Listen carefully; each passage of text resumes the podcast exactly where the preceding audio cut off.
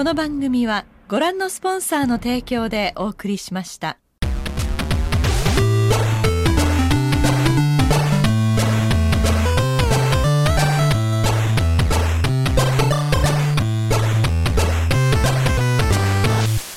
Welkom bij Buttonbashers podcast aflevering... Zo, dat zijn een hoop woorden. Hallo, welkom bij Buttonbashers aflevering nummer 64.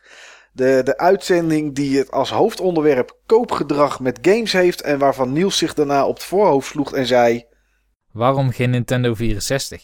Ja, dat had een mooie geweest voor, voor getalletje 64 inderdaad. Eigenlijk wel, hè? En jij beseft het je, maar je hebt niks gezegd. Nee, ik ben niet zo fan van het apparaat. Maar misschien, Ja. ja, goed, dat wil niet zeggen dat we het er nooit over moeten hebben natuurlijk. Ik bedoel, het journaal bestaat ook. Hè, bij godsgratie van alle ellende die er is in de wereld. Maar eh, ja, Ander keertje maar. ander keertje dan maar. Maar inderdaad. waarom niet de Commodore 64? Zo. Nou, Slaan we nog een keer voor ons hoofd. in de, nou dan Ik doen sla we dat... Michael eh, wel voor zijn hoofd. Nu sla, Ja, jij, is- nu sla jij je weer voor je hoofd, Mike. Nou, ne- nee. En ik ga nu een hele goede smoes eh daaromheen bedenken. Want Ja. ik had vroeger namelijk geen Commodore 64. Ik had een Commodore 128. Dus, 128. dus ik wacht nog even 64 afleveringen. En dan Dat was het volgende eh, wat ik wou zeggen. Of wou je nog 64 afleveringen gaan wachten? Het is toch echt zo. Ja, Ah, mooi. ja, nee, ik had, eh, ik had inderdaad de Commodore 128. Die stond standaard wel in Commodore 64 modus. Want ik had geen flauw idee wat je met de Commodore 128 voor de rest kon. Ehm, maar goed, dat maakt voor de rest voor eh, vanavond niet uit. Ehm, ja, voordat we naar de Game Talk gaan, eh Steve, misschien even het woord alvast eh, aan jou. Als jij als organisator hoofd der eh Buttonbashers partygelegenheden. 13 augustus heb ik, heb ik een dag gereserveerd staan in mijn agenda. Waarvoor? Dat is voor de Buttonbashersdag. Dat Ja. is voor de derde Buttonbashersdag. Ja, dat is, dat is, dat is ja, een jaarlijkse traditie inmiddels. Het eerste jaar was bij, in Tilburg. Nu is het in ieder geval Game Over. Ja, maar je heette weet het niet meer hoe het zo? heet, hè? Het heette Hall of Game. Hall of Game. Oh ja, nu is het Hall of Game Over. Want het is er niet Ja. meer. Vorig jaar was het Bonami Museum. En wat is het dit jaar? Dit jaar is het Awesome. Want het is namelijk een Awesome Space. Ah, ja, oh ja, in Utrecht hè? In Utrecht, inderdaad, ja. En eh, voor wie Awesome Space niet kennen, dat zullen aardig wat mensen zijn. Ik hoop dat veel mensen het ook wel kennen. Eh, awesome Space is eigenlijk een, eh, ja, ik noem hem eventjes een gaming georiënteerde vrijzone. Oké. Dus eh, het is een soort van buurthuis. Het is helemaal afgeladen met, eh, met consoles.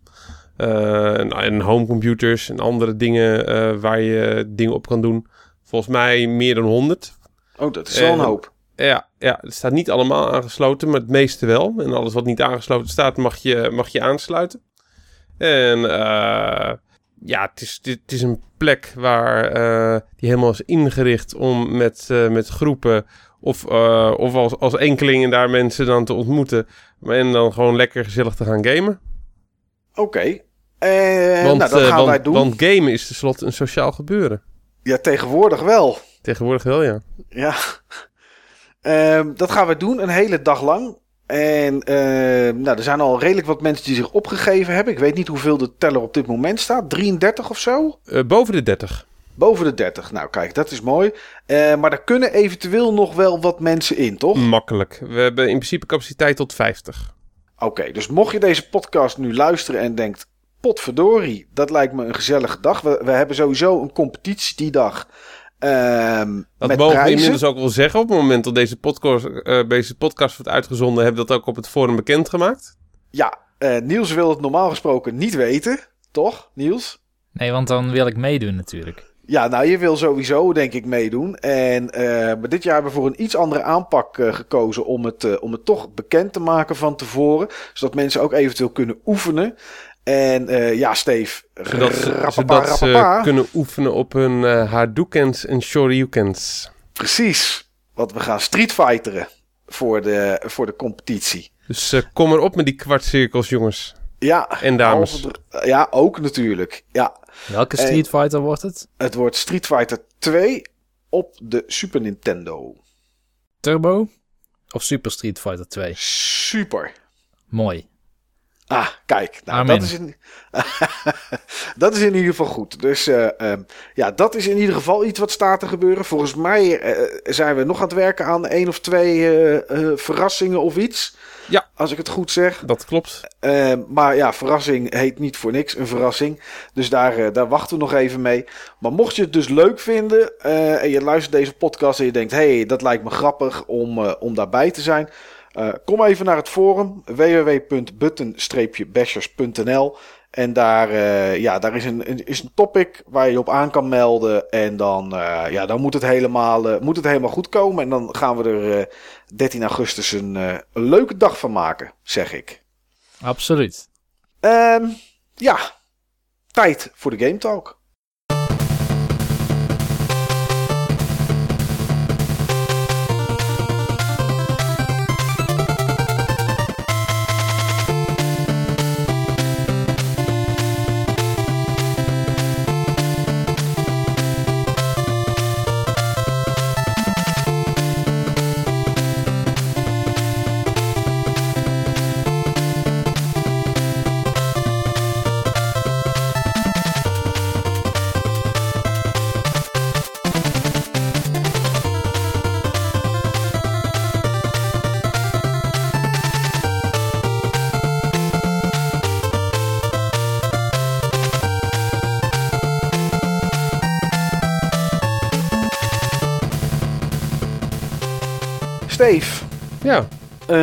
Verblijd ons eens met verhalen, avonturen over games die jij gespeeld hebt de laatste tijd. ja die heb ik. Ja, dat is mooi. Ja, die heb ik. Dus, ehm Wat heb je zo al gespeeld, kerel? nou, best veel. Oké. Eigenlijk Lekker niet. concreet, Steve. Eigenlijk niet. Eigenlijk heb ik maar Oh. één ding, eh, nee, één ding gespeeld. en sowieso ook maar één ding gespeeld waarover ik het eh, wou hebben. Oké, nou, dat is ook prima. Voor mij eigenlijk gewoon één ding waarover ik het moest hebben. Oké. Ja, en ik, eh, ik zie het niet als een game, maar ik zie het als een sociaal-cultureel fenomeen. Oh jee. Met een disruptieve werking Oh op jee. de sociale ruimte. Pokémon Go. Oh. Ja, ik moest er eentje, ik moest er eentje nemen voor het team. Heerlijk. Oh, we hadden nog zo net voor de opname afgesproken dat we het niet over Pokémon Go gingen hebben. Ja, ik vroeg het nog. Heeft iemand nog iets over Pokémon Go? En toen Ja, zei maar de- toen zei jij er direct achteraan, nog voordat ik kon antwoorden. Ja. Vast niet, hè? Nee. En toen zei Niels nee. En jij zei eigenlijk niks. Toen zei ik mooi, dan kan die van mijn lijstje af. Qua Maar- jouw lijstje qua ergernissen, zei je.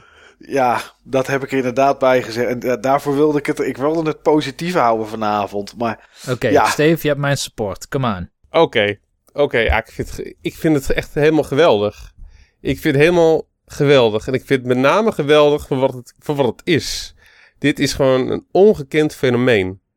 Het is echt een ongekend fenomeen. eh, gewoon als game. En überhaupt gewoon als, als, als hype. Als, ehm, als nieuw iets met impact. Het is echt ongekend. Eh, ik ken niets wat zeg maar bij lancering in vijf dagen tijd meer logins eh, had dan, eh, dan Twitter. Het, het heeft, Ja. het heeft de porno-index verslagen, Mike. ja, het is ook. Het is ook het, de hype is groot. Dat kan ik ook echt niet ontkennen. En dat is ook gelijk wat mij dan tegenstaat. Maar goed, de, de hype is groot. Ik zag net, voordat we gingen opnemen, zag ik op Reddit een foto van de president van Israël. Die in zijn eh, presidential suite een foto had gemaakt. Want daar was een Pokémon. En hij was die Pokémon gewoon aan het vangen. En daar stond in het Hebreeuws stond daar de tekst bij. Bel de security, want er is een indringer. En die man die zit dus gewoon, de president van Israël, zit gewoon Pokémon te vangen. Dat is toch mooi? Ik vind dat echt mooi. Ja, Ik vind dat echt prachtig. Wat, wat, wat vertel me eens, Steve, wat vind je er dan zo geweldig aan? Wat is het, wat is het, het geweldige eraan? Ja, met name gewoon... Ik, ik had niet verwacht tot, eh, tot, een, eh, tot een game zo snel zo groot kan, eh, kan worden. Ehm 7% van, van de Amerikaanse bevolking speelt dit. Ja, In een paar dagen tijd. Ja, ja, Het is, we, het is op dit moment, we nemen dit op op woensdag. Het is gelanceerd op woensdag. Het is een week geleden gereleased. Ehm, dit weekend zijn er op Google meer zoekopdrachten geweest naar Pokémon Go dan naar porno. Ja, maar daar weet ik wel gewoon waar ik terecht moet. Pornhub, Xhamster, RedTube, YouPorn, xnxx.com. Eh, ik, hoef, ik hoef daar niet voor te zoeken, hè? Nee, dat klopt. ik moest wel eventjes zoeken op Google van hoe ik nou precies eh, eh, Pokémon kon installeren op eh, mijn Nederlandse iPhone. Ja, want het is hier nu op dit moment nog niet uit. In Duitsland wel, dus het zal, wel, het zal heel snel Oh, is het in gebeuren. Duitsland uit nu? In Duitsland is het inmiddels uit. Ja, dat las ik. Ik kan me niet voorstellen, maar stel dat er iemand onder een steen geleefd heeft. Eh, de afgelopen twee maanden, denk ik inmiddels. Misschien anderhalve maand eer dat deze podcast uitkomt. Wat is het precies, Steve? Eh, het is een eh, augmented reality game. Ehm, van, eh, van de makers volgens mij van Ingress, toch Niels? Klopt, ja. Niantic. Ja, ja, ja. En eh, je gaat op zoek naar, naar Pokémon in de openbare ruimte. Ja, je moet, je, je- als je die app opstart, dan zie je een soort Google Maps. Daar Ja. zie je een, eh, een soort Pokémon-vanger die je zelf een beetje aan Ja, kan kleden. Pokémon trainen inderdaad, ja. Ja, Eh, de aankleedmogelijkheden die, eh, die zijn op dit moment enorm beperkt. Hey, monetarisatiekans nummer 1, zullen we dat maar zeggen? Ja, en ja, dan moet je gaan lopen door je wijk of waar dan ook. Ja. En dan zie je een Pokémon en dan kan je een Pokéball gooien. En als Ja. je hem vangt, dan is die van jou. Eerst krijg je zeg maar wat subtiele hints van waar, van waar Pokémon eh, zouden zitten. En naarmate je dichterbij komt, dan zie je van hé, hey, daar zit een Pokémon. Dan kom je nog dichterbij, zie je van wat voor soort Pokémon het is. En dan eh, kun je besluiten om ervoor te gaan. En je moet ook echt een, eh een, een Pokéball naar die Pokémon gooien. Je moet hem ook echt raken. Ja. Dat vond ik nog lastiger dan, dan gedacht. Dat klopt Ja. inderdaad, ja. Hij ligt, Ja. ik heb het heel even gespeeld. Hij, hij, hij ligt, hij ligt snel te ver, die Pokéball. Ja, mijn eh, eerste Pokémon die ik op deze manier tegenkwam, dat was zo'n vleermuis. Ja, En ehm, die zijn best wel klein en die vliegen. En Dat, eh, daar heb ik aardig wat pokeballs aan, eh, aan verspild. Zo'n vleermuis. Zubat bedoel je Het is een natuurlijk. zoebed inderdaad, ja. Ja. En eh, ja, iets verderop zag ik, eh, zag ik twee jongens met smartphones eh, staan. Van wat jonger dan ik. En eh, ik denk van nou, dat is vast mijn hulplijn. Dus ik, eh, ik had aan hun gevraagd van jongens, hoe gooi je pokeballs nou eigenlijk effectief? En die stonden inderdaad te spelen inderdaad, ja. ja, die kans is groot. Ja, dus en eh, ik moest ze harder gooien. Met, vlie- met vliegende Pokémon moet je ze harder gooien. En, En, en, dat, en eh, dat klopt inderdaad. Ja, toen had ik hem vrij snel. en dan je levelt. En als je level 5 komt, ik weet niet of je dat al bent, level 5, dan kan je geloof ik Pokémon in een gym proppen. En dan kan je, heb je de gym of zo. Of ik, ik- Ja, volgens mij dan moet je, dan kan je vechten volgens mij in, eh, in een gym. Maar maar een je gaat moet je... echt vechten, toch? Je zet ze toch neer om, om die gym te houden. Oh, En eh, dat dacht ik tenminste. Dat Maar Niels, jij, jij weet het wel. eerst vechten en daarna kun je Pokémon achterlaten. Volgens mij zit het zo. Maar ik heb dat zelf ook nog niet gedaan hoor. ik, eh, ik ben er nog niet. Oké, Vol, vol- maar volgens mij is mijn gym ook echt een gym. Oké. Dus ik, ik kom nog wel regelmatig in de gym. Dus kan ik dan tenminste de momenten dat ik rust heb in de gym gebruiken om voor de gym. Ja, De persoon die mij aan Ingress had gebracht, die heeft dus nu ook Pokémon Go mij geleerd hoe het ongeveer werkt. Ja. En het is eigenlijk gewoon een soort Ingress, maar dan met meer eromheen. maar wat is dan het meerdere eromheen? Want eh, kijk, ik heb eh, wat ik zei, ik heb het, op, ik heb het geprobeerd. Ik, ik zet dat ding aan, ik sta hier in de straat, ik vang een paar Pokémon. Eh, ja, klaar. Kijk, en met Ingress had je natuurlijk al die, die, die punten. En die zaten aan elkaar verbonden. En daardoor legde je een soort van, van eh, vlakken over de stad heen. Van kleur waar je bij aansloot. En dan probeerde je die, die palen over te nemen door ze aan te vallen en, en te verdedigen en dat soort dingen allemaal. En Ja. ik snap wel dat dat aanvallen en verdedigen, dat dat nu in die gyms gebeurt. Maar doordat je zeg maar de halve wereld gekleurd was met lijntjes en dat soort dingen. En strategisch uitdenken van oké, als ik daar naartoe ga en, en ik pak die, eh, die locatie kan ik pakken en dan die, dan, dan weet je, daar zat... Ik snap niet wat er meer zit in Pokémon Go dan, dan in Ingress. Nou, Pokémon Go heeft meer aan de onderkant. Wat jij nu beschrijft is op het moment dat je Ingress speelt en je begrijpt dat het gaat over die torens overnemen, en dat lukt je ook, dan is de volgende strategische stap om die torens met elkaar te verbinden. Ja, Of die portals waren dat. portals, ja, dat Ehm, was het. Dat heb je niet bij Pokémon Go, maar bij Pokémon Go heb je meer aanloop richting die gym. Bij Ingress kon je bij wijze van spreken meteen op het moment dat je begon de eerste de beste portal overnemen.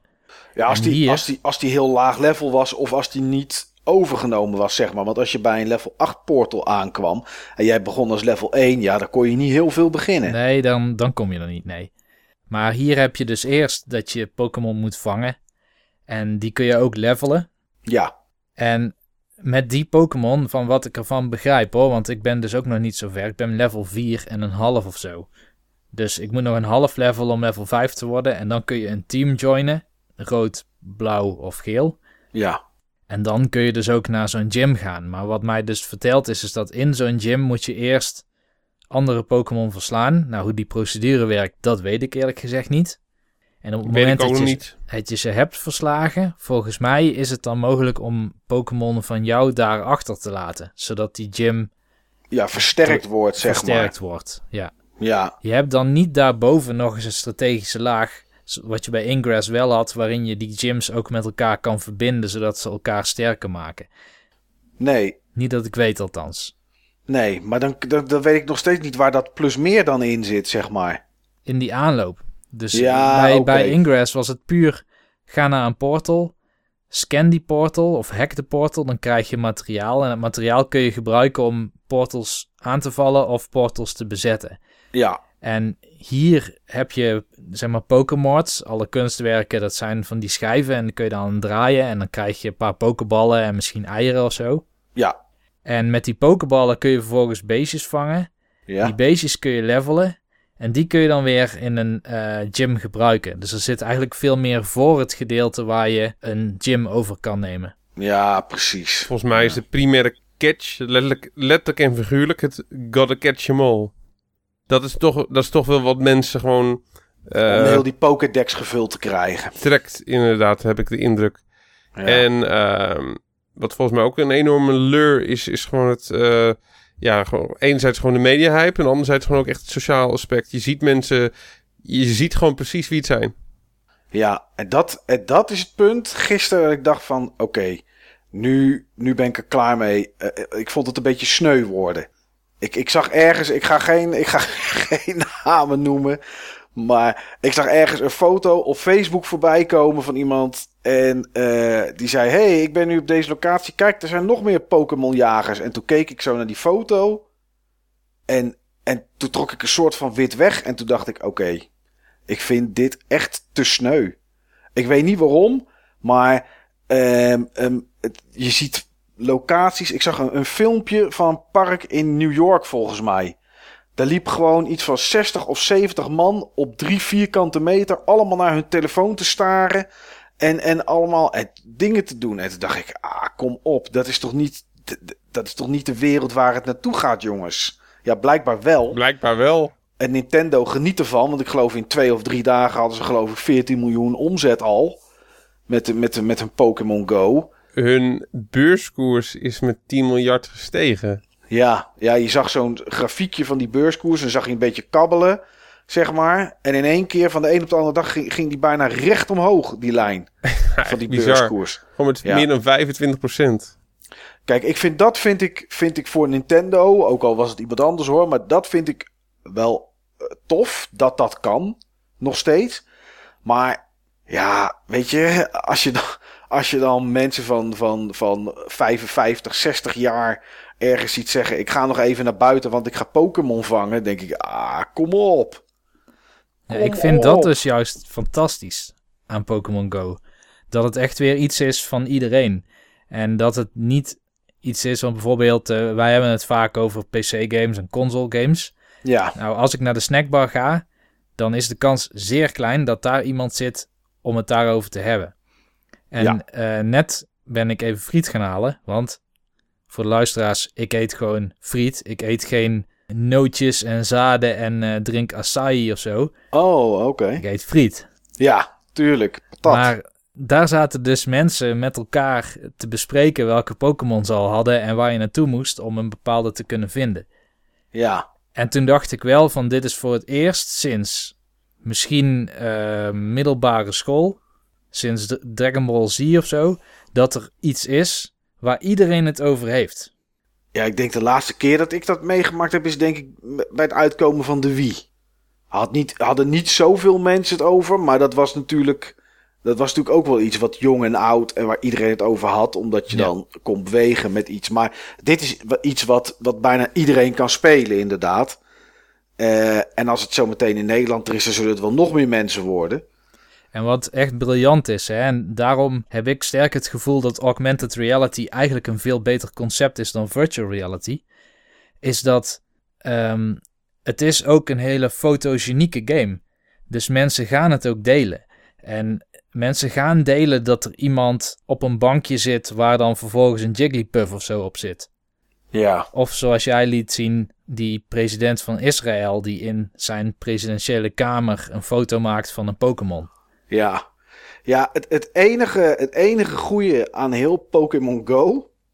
En dan komen we even terug richting Steve zijn, zijn porno. Is dat er op Reddit is er een subreddit. Ja, dat... Waarom denk je dat ik het geïnstalleerd heb? En die heet Pokémon, Go. Go. en Blow, toch? Ja, ja Pokémon, Pokémon Go NSFW. En eh, ja, daar heb je inderdaad NSFW-foto's waar eh, Pokémons eh, bij staan. En eh, ja, dat is dan het enige waar ik een beetje om heb kunnen lachen. Oh, oh, oké. Ik, eh, ik had er nog iets over iets anders. Eh, Oh. er is ook al een soort met van seksdating hype ontstaan op internet. Oké, Dat, dat, dat heet Pokémon Go and Blow. oké. en dan, ja, ik kan mijn fantasie de vrije loop laten gaan. Eh, is het dan zo dat je afspreekt ergens met iemand eh, waar een Pokémon te vinden is in de bosjes en daar dan gezelligheid maakt? Ik weet het nog niet precies. Ik heb er nog niet in verdiept. Oké, nou ik weet wel dat ik het ga doen, maar dat vind ik dan wel grappig. Maar eh, ja, goed, weet je, af, eerst level 5 worden, hè, Mike? Ja. ja, maar misschien kan ik dan tegen zo iemand zeggen van... eh, oh, leer me. Leer me hoe het moet. Nee, ja, ik, nee, ik heb de app alweer verwijderd, jongens. Dus ik kan, ja, kan wel level 5 worden, maar dan moet ik hem weer installeren. Nee, ja, af- afsluitend kan ik alleen maar zeggen dat het inderdaad een hype is. En, eh, en ja, ik, eh, weet je, het is ook persoonlijk... Op het moment dat zoveel mensen doen en je het overal ziet... dan gaat er mij altijd een soort van anti iets treedt er in werking. En eh, ja, dat, dat heb ik hier dan ook bij, zeg maar. Weet je, het is, het is te veel. Iedereen doet het. Eh, ik, ik pas wel. Ik geef mijn portie wel aan Vicky in dit geval. Ja. Maar goed, eh Steve. Pokémon Go eh ik, het voorlopig nog, nog, ik ga even... nog eventjes gewoon een paar keer proberen. Ik denk dat het ook niet echt iets voor mij is hoor. Maar ik wil gewoon eventjes gewoon nog eh, deze hype op zijn hoogtepunt meekrijgen. Ja, nou, dat is, Vind dat ik is leuk. Nu, dat is het nu zeker. Mensen die aanrijdingen veroorzaken, die het water inlopen. Ik heb al echt van alles gezien. En eh, Ja, dat was zeg maar het mooiste vond ik een dat was heel sneu. Dat was een of andere, een of andere huisvader van ongeveer mijn leeftijd. Misschien iets jonger. En eh, die deed gewoon echt alsof, eh, alsof zijn wereld was ingestort. eh, omdat er zeg maar in het dorp waar die, waar die woonde, of waar Ja. die woont, een heel klein dorp, de Lier of zo, weet ik veel. Ehm, ja, daar stonden dan continu gewoon mensen gewoon te stil en, en te loiteren. En stonden de hele tijd mensen eh, eh, voor zijn huis in auto's. Want ja, er waren Pokémon te vangen. En hij, en hij werkte elf, hij werkte wel 11 uur per dag. Hij werkte elke dag 11 uur per dag. En hij, hij vond het wel heel erg voor zijn vrouw en kind, zei hij bijna in tranen. Die moesten natuurlijk wel gewoon rust kunnen hebben. En, Ja. en vervolgens zei hij gewoon half snikkend, ja, de lier is de lier niet meer. ja, weet je, Dat was zo triest. Ondanks dat ik er wel om moet lachen, snap ik het wel. Er was een kerel in Amerika, die woont in een kerk. Ja, maar het is geen kerk meer. Nee, en die Nee. staat nog heel als kerk in die database. Ja, en da- daar, stond, daar, stonden gewoon, daar stonden gewoon de hele dag door mensen met auto's vijf tot tien minuten voor zijn deur en die reden dan verder. Ik geloof, ik weet niet waar het museum zit, maar er is ergens een Auschwitz museum geloof ik of zo, of een nazi-museum ergens Oh, in dat kan echt Amerika. niet. Dat kan echt niet. En daar lopen gewoon mensen binnen en die lopen gewoon Pokémon te vangen. En de- het, het museum heeft gezegd, wij willen van die lijst af, wij willen hier uit. Eh, lijkt me ook dat dat een goed recht is. Ik, ik zou ook vinden dat dat moet kunnen. Ehm, en dan zijn er dus mensen die zeggen van ja, wat een onzin. Of iemand nou binnen met zijn telefoon loopt om, eh, om iets op te zoeken over de historie of wat dan ook. Ehm, of dat die Pokémon loopt te vangen. Dan denk ik, nou, dan ben je toch sneu. Dat snap je toch Eh, wel? Ja, dat is wel een beetje triest. Ja. Dus, eh, maar goed, ja. Maar leuk ik, dat je ik, het ik, aangehaald zit al, ik zit al te wachten op het eind van de maand hoor. Want? Wanneer zeg maar mensen, of waarschijnlijk al zelfs eerder, wanneer mensen gewoon massaal door hun data eh, heen gebrand zijn. Ja, Of, oh, of zonder het te weten, zeg maar, door een bundel gegaan zijn en allemaal meerkosten eh hebben.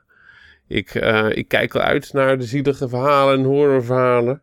Ja, die komen er natuurlijk. Want je kan in-game ook items kopen. Pokeballs als ze op zijn. Maar dan kan je ook naar een Poké-stop of zo. Of ik weet niet precies hoe zo'n ding heet.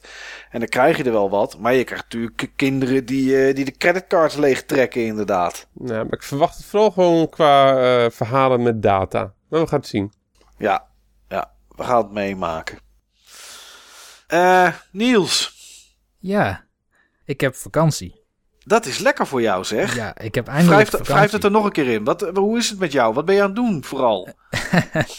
Ja, dat, eh, dat is heel moeilijk om- voor mij ook om een pijl op te trekken. Want eh, wat ik heb gedaan is, ik had een doos verf gekocht Oh, om mijn miniaturen van bordspellen te gaan verven. ja, daar heb ik iets van gezien op het forum, inderdaad. Ja, en eh, Zag er wel cool uit. Even complimenten. nou, dankjewel. Het, eh, het is de eerste keer dat ik zoiets probeer. Oh, oh, hoe komt dat trouwens, eh, Niels? Waarom ik dat ben gaan doen? Ja. Omdat jij die Castle Ravenloft had gekocht met die geschilderde poppetjes. Ja, cool hè? En toen dacht ik, hé, hey, dat wil ik ook. Maar ik ben het zelf gaan doen. Ja, ik vind het echt super stoer. Ja. Ik, ben, ik ben gewoon voor de easy way eh, gegaan en eh, jij doet het gewoon zelf. Ik, eh, ik had zeg maar een spel gevonden op eBay met 42 miniaturen. En eh, dat was voorbeschilderd. En had ik opgeboden en die had ik ook gewonnen voor een hele goede prijs. En ik had foto's gepost en Niels was er dusdanig van onder de indruk van dat hij het ook wou. Ja, Volgens mij was het iets wat je al langer wou, toch, eh, Niels? En dit was dan zeg maar puur de, de straw that broke the camel's back, toch? nou ja, misschien wel. Ik- Ik heb daar niet zo bewust bij stilgestaan. Maar ik heb eigenlijk nooit dit soort dingen gedaan, omdat ik er eigenlijk geen tijd voor had. En nu zit ik een paar weken thuis zonder dat ik hoef te werken. En ik, ik werk nog wel een beetje en ik hou mijn mail in de gaten. Oh, je hebt zeker vakantie. Ik heb vakantie. Oh, leuk. Michael, ik heb horen. vakantie. Ja, nee, perfect. Echt. Vier weken lang. Zo, dat is niet te zuinig, zeg. Nee, lekker laat opstaan. Ja, oh, ook, ja. hele dag eh Pokémon Go spelen? En gamen en Oh, Pokémon ja. Go inderdaad. Nee, maar ehm, ik, ik heb het nooit gedaan dat het te veel tijd ging kosten. Die tijd die had ik niet. Die investeer ik dan weer liever in iets anders. Maar nu was het zo dat ik iets met mijn tijd wilde gaan doen. En dat heb ik dan maar hierin gestoken. Ook omdat ik benieuwd was of dat ik überhaupt zoiets kon. En het is te doen. Maar ik zal niet de grootste fan zijn. Ik ben niet degene die dadelijk al zijn bordspellen gaat schilderen op deze manier. ik zou dat ook, niet doen. Ik zie je al met rollers over je, over je bord heen gaan, eh, Niels. Dat is, niet, is niet de bedoeling, hè? Nee, nee. Nee, eh, wat, wat het is, zeg maar, de, de stappen die ik onderneem, het zijn maar een paar stappen. Eerst spuit ik met, of ja, eerst was ik de figuren. Want soms dan zit er nog iets, iets op van het fabricatieproces. Of omdat er al mee gespeeld is, zit er nog vet op van vingers. Daarna dan eh, spuit ik er primer op. Ik heb een grote zwarte spuitbus. En een spuitje van, ja, zeg maar 20, 30 centimeter afstand. Kleine wolkjes erop tot alles een beetje bedekt is. Nou, dat heb ik ook gaandeweg moeten leren, want de eerste figuren waren zombies. En die had ik niet helemaal dekkend gesprayed. Nou, dan krijg je de verven best wel moeilijk op. Die primer is er dus alleen maar voor, het is zeg maar de grondverf, Ja. om verf vast te laten houden aan het model. Dus je moet het ook heel dun erop spuiten, want anders dan raak je al je details weer kwijt. Dan is het een druipende zombie. Dan is het een druipende zombie inderdaad. Nou, daarna dan, eh, dan verf je gewoon, of dan, dan schilder je de, de, de, de kleuren erop die je wil hebben. Nou, dat vind ik heel erg moeilijk, want ik heb echt figuurtjes die zijn 2,5 centimeter groot misschien. Die hebben dan een gezichtje van 3 mm bij 2 mm. Zitten de ogen in ook nog? En daar zitten ogen in, maar dat is maar relief. En eh, nou, dat... Ik, ik, ik zie het niet eens, joh. Die details. Dat en ik kan mijn hand niet zo, zo ontzettend stil houden. Mijn kwast is net iets te dik om ook hele fijne details te doen. Maar ja. En daarna dan eh, heb ik een eh, product dat heet Shade. Dat is een soort van inkt. En die verdun ik met terpentine. En daar ga ik dan met een kwast even over het eh, poppetje heen. Over alles heen. Want die inkt die trekt in alle voegen. En dan krijg je een soort ambient occlusion. Zo. Ja. Het is, het, is wel een, het is wel een klusje. En dan doe ik nog wat highlights met dry brushing. Dat doe ik voor- bijvoorbeeld vaak met wit. Dan gebruik ik wat witte verf. Dat veeg ik bijna allemaal weer af op papier. Totdat er alleen maar wat droge, korrelige eh, ja, veegspul zeg maar, op de kwast zit. En daar veeg ik dan heel erg snel mee over het poppetje. En dat blijft dan juist weer aan de uitstekende dingetjes hangen. Heb, Dus je, dan- heb je ook Van Dyke Brown? Van Dyke Brown. Ja, je klinkt nu namelijk een beetje als de Bob Ross van het Butterbashers Forum. Nou, weet je wat me opviel? Ik Nou. had dus een paar van die foto's gepost. En dan zitten er sowieso al drie mensen die reageren dat ze dit ook vroeger hebben gedaan. Ja, Ik had helemaal niet het idee dat Button Bashers de community was waar dit als hobby iets wat leefde. ja ooit wel dus. Ooit wel dus inderdaad. Maar ja, ik, eh, ik spring er pas eh, na 30 jaar in. Ja, Maar goed, eh, het, het is best wel leuk. Je wordt er best wel rustig van. Maar goed, dat is niet natuurlijk een game waar ik het over wilde hebben. nee. Mag ik nog één ding vragen, eh, Niels? Al- altijd. Waar, eh, waar kan ik de foto's eh, zien van de halffabrikaten? En eh, In het, eindproducten? ehm, al het andere topic. Met al het andere topic. Oh, je hebt ze gewoon zeg maar in het... eh, Oké, dat topic gehoord. Ga ik even kijken. Ga ik even neuzen. Prima. Maar goed, eh, die inkt en die verf moeten ook drogen. Ja, En dan moet je toch weer een game gaan spelen. precies. Nou, en de game waar ik vandaag bij de allerlaatste eindbaas afging, was Xenoblade Chronicles X. Oh, zo, je bent bij de allerlaatste eindbaas van de game. Ik ben bij de allerlaatste eindbaas van de game. Ik- Hoe lang heb je er inmiddels in zitten, Niels? Ehm, volgens de in-game timer. Ja? En dat is de timer die ehm, niet meegaat als je, als je cutscenes hebt. Ja. En dat is de timer die niet meegaat als ik de Wii U uitzet omdat ik eh, een verkeerde keuze heb gemaakt. Mhm. Zegt dat ik er nu 95 uur over heb gedaan. Dat is eh, serieus veel verf wat er moest drogen. Het is serieus veel verf inderdaad. Dan zijn ze nu nog aan het druipen, denk ik. ja. Maar, dat is, eh, maar dan heb je, heb je niet alles gezien. Hè? Dan heb je een beetje sidequests gedaan en dat is Ja. het, denk ik. Volgens het spel ben ik op 38%. Dat is eh, een redelijk eind, toch wel. Maar Ja. als je dan dat die game op 100 wil hebben, dan eh, gaat er waarschijnlijk wel 400 uur in zitten, denk ik. Ja, dat denk ik ook. En dat ga ik ook absoluut niet doen hoor. Ik speel het uit en ik kijk of dat er nog wat postgame content is, maar daarna hou ik het ook voor gezien. Ik Ja. moet ook zeggen dat na 95 uur ik nog steeds niet alle systemen begrijp. Oh, dat is wel apart. Kijk, ik heb het nog niet echt uitgespeeld, maar ik heb al wel een mening gevormd over de game. En dat mag misschien ook wel na zoveel tijd. Nou, dat dacht ik toch wel. Maar vorig jaar ehm, heb ik de keuze gemaakt: zet ik The Witcher 3 in mijn Game of the Year top 3 of Xenoblade Chronicles X. Ja, En ik koos voor The Witcher 3. En daar blijf ik nog bij. oké. The Witcher 3 is uiteindelijk de betere game. Eh, op, heb- welk, op welk vlak is die dan beter, zeg maar, dan, dan Xenoblade Chronicles X?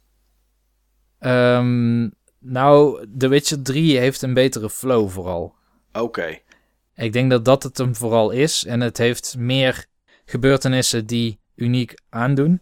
Ja, Maar eh, na 95 uur Xenoblade gaan quests nogal op elkaar lijken. oké, dat is het meer. Ja, Dat is het vooral, ja. Ik denk dat Xenoblade Chronicles X wel de hogere hoogtepunten heeft. En ehm, het is zeker wel een aparte game.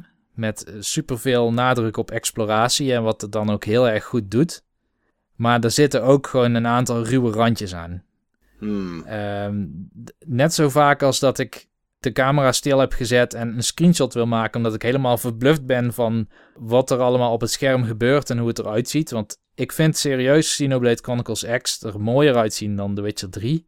Op bepaalde punten en bepaalde momenten van de dag. En op een, op een PS4. Nou, de, de, uh, The Witcher 3 op PS4, maar Ja, Xenoblade precies. vind Nee, ik er dat- mooier uitzien. Dat, dat bedoelde ik eh, als je het vergelijkt met The Witcher 3 op PS4. Oh zo, ja, zeker. Ja, misschien op PC eh, zou ik er weer anders over denken, maar Daar ga ik het is- zo over hebben, hè? het ontwerp van de wereld is zo verschrikkelijk mooi. Ja. Ehm, maar het is wel een wereld die je maar één keer kan ontdekken. Dus het is niet een spel wat ik nog een keer zou gaan spelen. En ik kom ook tot de conclusie dat ik nooit meer een spel als Xenoblade Chronicles wil spelen. Hoezo dat dan? Want je hebt er 95 uur ingestoken, dus je hebt je zeker vermaakt. Ja, Maar waarom zou je niet meer een game zoals dit willen spelen? omdat ik dit nu wel heb gezien met 95 uur. Ja, dat klinkt als een raar antwoord, maar dit spel, Xenoblade Chronicles, is te ingewikkeld. Het is te ingewikkeld. Ehm, En, maar wat moet ik dan als te ingewikkeld zien? Is de, de systemen, de combat? eh, De systemen vooral. Die de combat voeden. Want de combat is waar je succes mee realiseert. In bijna elke roleplaying game. ja. Op Undertale na. Maar- ja. Ja, want die heeft weer een ander eh, gimmick, zeg maar. Ja. Maar ehm, om combat goed te kunnen doen in Xenoblade Chronicles X... heb je een stuk of vijf, zes verschillende systemen... die in elkaar grijpen als een soort tandwielen. En je kan er 20 uur in investeren om één tandwiel te begrijpen... Ja. En ehm, dan kom je erachter dat je een andere keuze had moeten maken. Want je kan één tandwiel optimaliseren. Maar dat wil niet zeggen dat het ook goed in dat systeem werkt. Nou, en om iets meer invulling aan tandwielen te geven.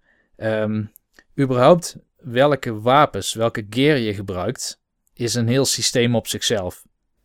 Want die gear die werkt op allerlei manieren samen. En dan heb je ook nog eens gear als je op de grond zit of gear als je in een skel zit. Dat zijn weer verschillende gear sets die je daarbij gebruikt. Die hebben heel veel verschillende attributes en stats waar je rekening mee moet houden. Dan heb je ook nog eens de class van je karakter.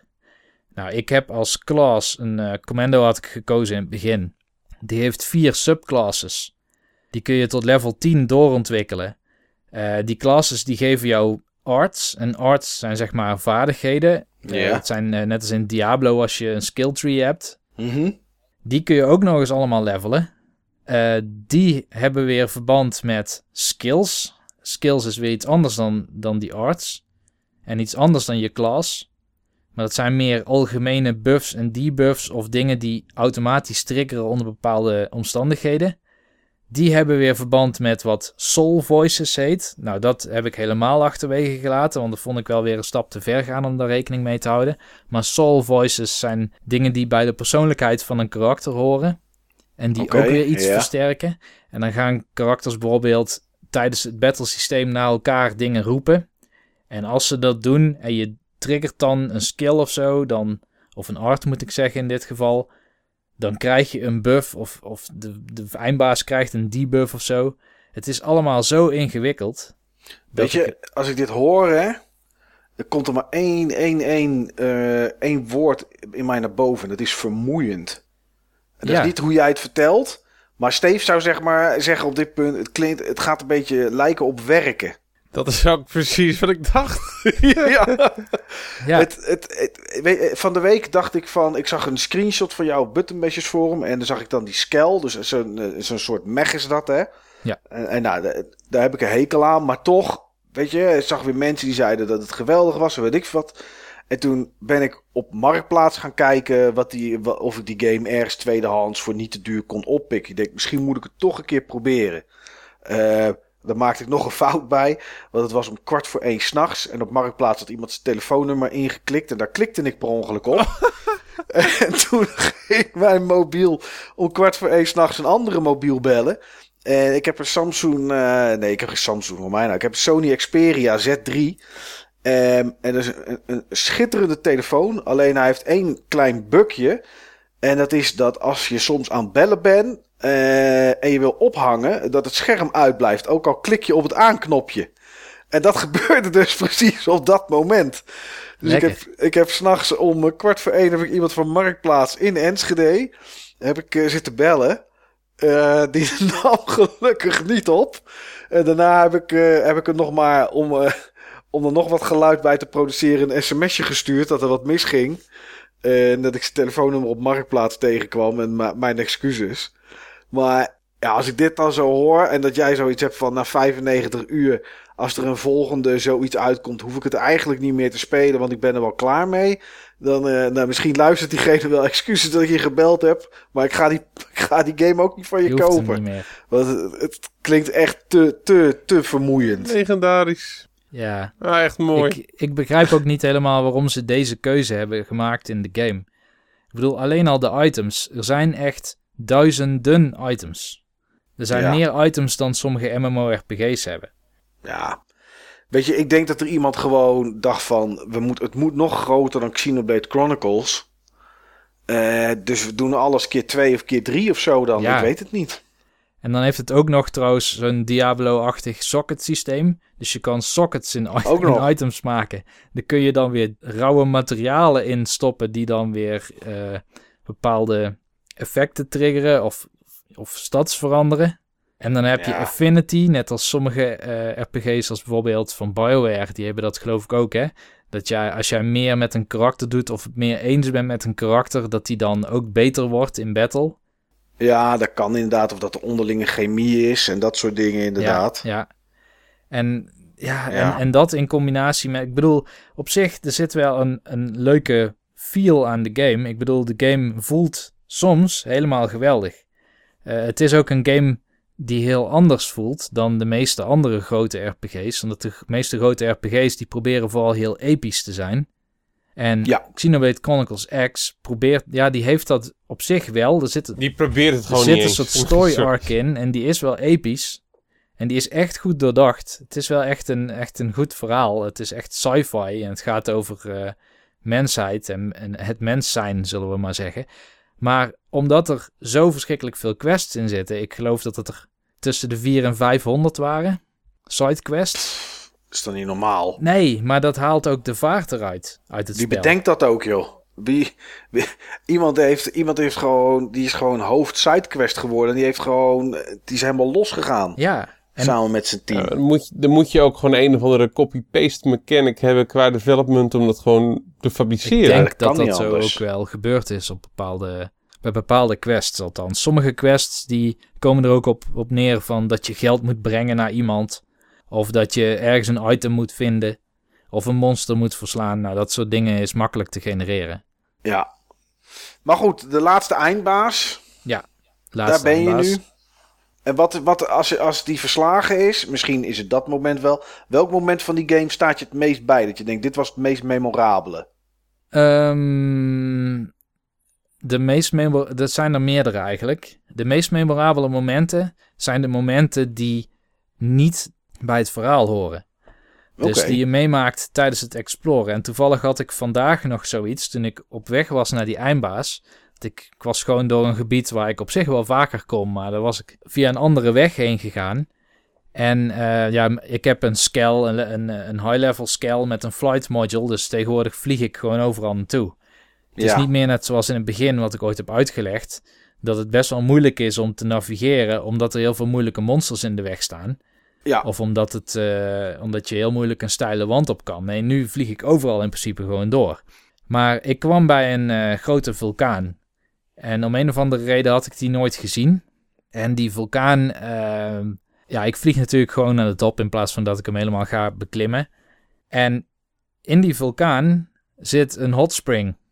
En daar zit dan weer een mop in en een aantal schatten. En dat zijn van die dingen die je hier steeds tegenkomt. Het is iets helemaal buiten de, de main questline. En zelfs buiten de, de sidequests. Maar in de omgeving zitten toch weer dingen om mee te maken. Ja, oké. En, en, dat, is wel, dat is wel het sterkste punt dan van die game. Ja, want dat zorgt ervoor dat mijn playthrough echt een unieke playthrough is. Ja, precies. Oké. Dat staat me dus bij. Ja. En uh, wie weet maakt Monolith Soft weer een RPG en ga ik hem toch weer kopen op een of andere manier. Ik gok van wel, want hij zal er niet over een Ik jaar gok zijn. ook van wel. Ja, Dat duurt, dat duurt toch weer eh, een jaar of vijf, joh, minstens. Ja. Dat denk op de ik ook. NX. Maar laat ik het zo zeggen, eh, voorlopig vind ik het wel even mooi geweest. Oké. Snap ik. Snap ik volkomen. Heb je nog iets anders gespeeld? Er is nog één game inderdaad waar ik het over wil hebben. Oké. En dat is een game die eh Pius van het forum, Maarten, Ja. mij meerdere keren heeft aangeraden. En Steve was erbij. Eh, dat is Boom Street. Oh, op de Wii, Op toch? de Wii, inderdaad. Ik had laatst Boom Street gevonden bij een Game Mania. En er was een actie waarin je de tweede tweedehandse game voor de helft van de prijs kon kopen. hey, dat eh, haakt al een klein beetje in op eh, wat ik straks wil gaan vertellen in het hoofdonderwerp. ja, over je koopgedrag. Ja, maar goed, ehm, ik zag dus Boom Street. En ehm, omdat Piers daar zo enthousiast over was. En omdat ik ook wel een klein beetje geïnteresseerd was, maar niet 30 euro geïnteresseerd, heb ik hem toch maar gekocht. En diezelfde avond heb ik hem met vier mensen gespeeld. En het is echt een hele leuke game. Oké. Wat ik is kan het hem precies? toch aanraden. Het is een soort Monopoly met iets meer marktwerking. Oké. Zo zou ik het omschrijven. Het is een bordspel. Het, is, eh, het lijkt een beetje op Mario Party. En Mario zit er ook in. En Dragon Quest figuren. Het heeft wel minigames trouwens. Maar Dat het is wel. niet minigame focused. Oké, niet zoals Mario Party, want dat is echt minigame focused inderdaad. Inderdaad. En ehm, dat was ook een eh, voor, vooral competitieve en coöperatieve minigames. Maar dit is meer een soort van gokken. Maar goed. ehm, stel je voor dat je Monopoly aan het spelen bent. Maar op een wat ingewikkelde bord met meerdere routes. En meerdere straten waar je dan eh, langs kan. En je kan vakjes kopen. Straten kopen in Monopoly. Oké. Ehm, dat kan hier ook. Dan betaal je de waarde die erop staat. En eh, komt er daarna iemand daarop, dan moet hij jou een klein bedrag betalen. De mechanic zit ook in het spel Hotel. Waarin je Oh, entrees ja. hebt. En als iemand op die entree komt, dan moet hij een bepaald bedrag betalen. Als jij in hetzelfde district, want je hebt meerdere districten in het spel. Als je meerdere locaties in een district koopt, verhoog je ook de waarde van de locatie die je daar al had. Dus het is een soort keten die je dan krijgt. Wat, wat sowieso trouwens is, je kan niet zomaar eh, ergens iets kopen. Je moet wel een dobbelsteen rollen natuurlijk. En toevallig op dat vakje komen.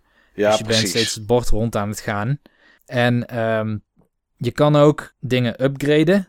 Bij Monopoly kun je bijvoorbeeld een hotel of zo zetten op een straat. Ja, of een extra huis Of dat, eh, dat huis. soort dingen. Ja. Ja, zoiets kun je dus ook doen, maar dat is eigenlijk gewoon een upgrade.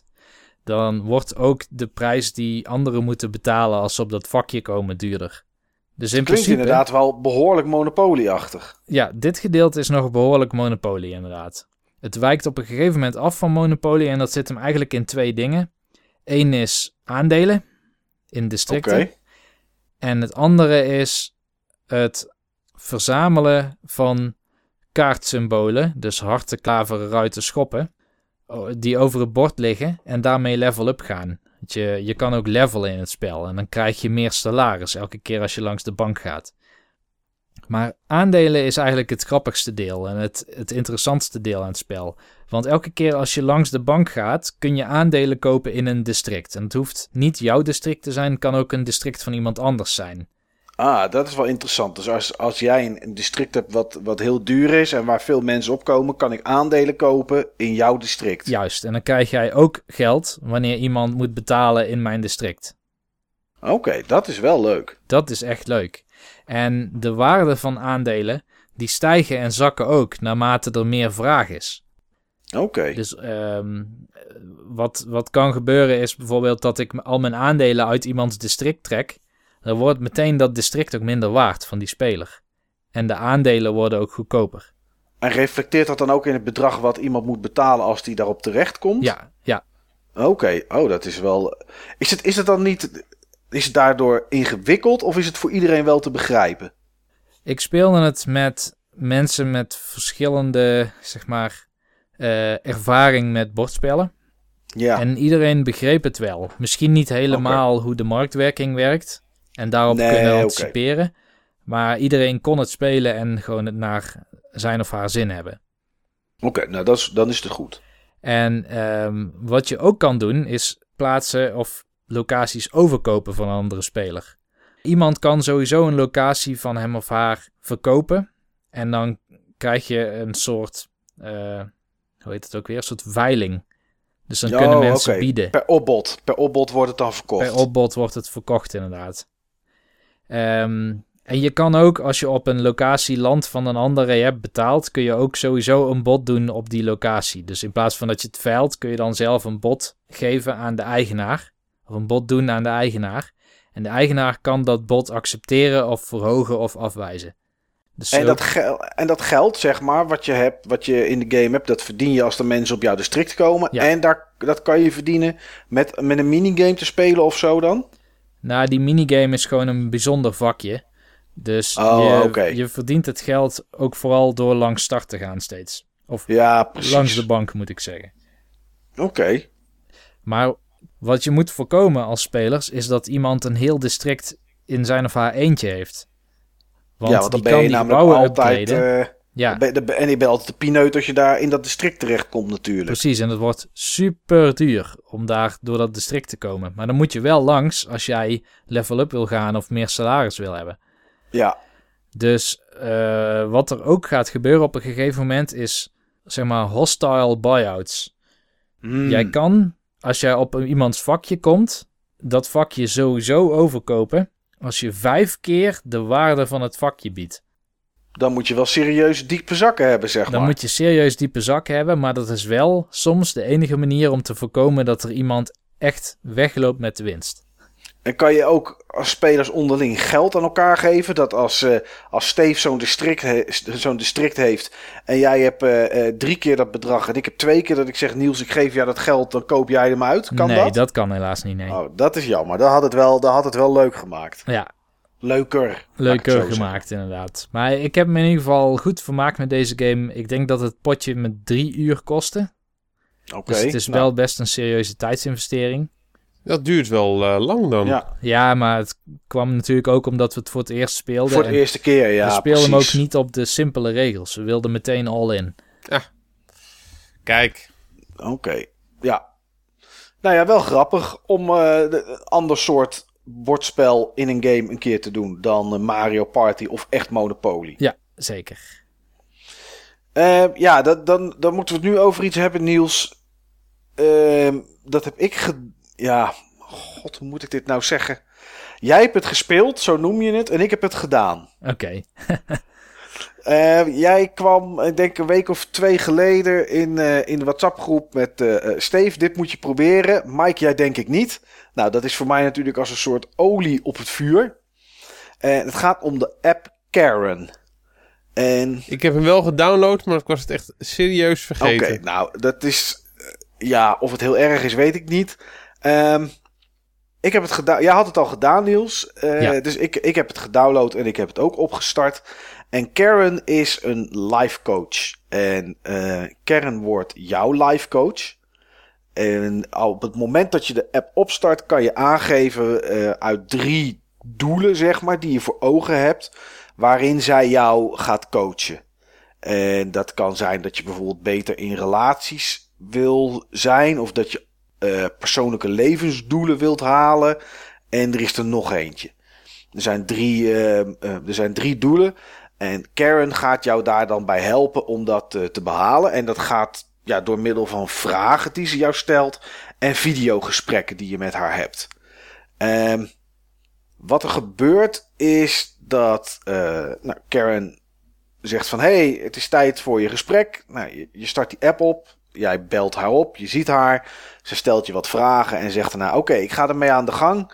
En nou, tot, de, tot je volgende afspraak. En dan zegt de app van... je volgende belmoment met Karen is eh, vanavond om 8 uur. Of morgenavond om 6 uur. En dan sluit je eigenlijk de app. En dan ben je klaar. Kan je ook voor de rest niets doen.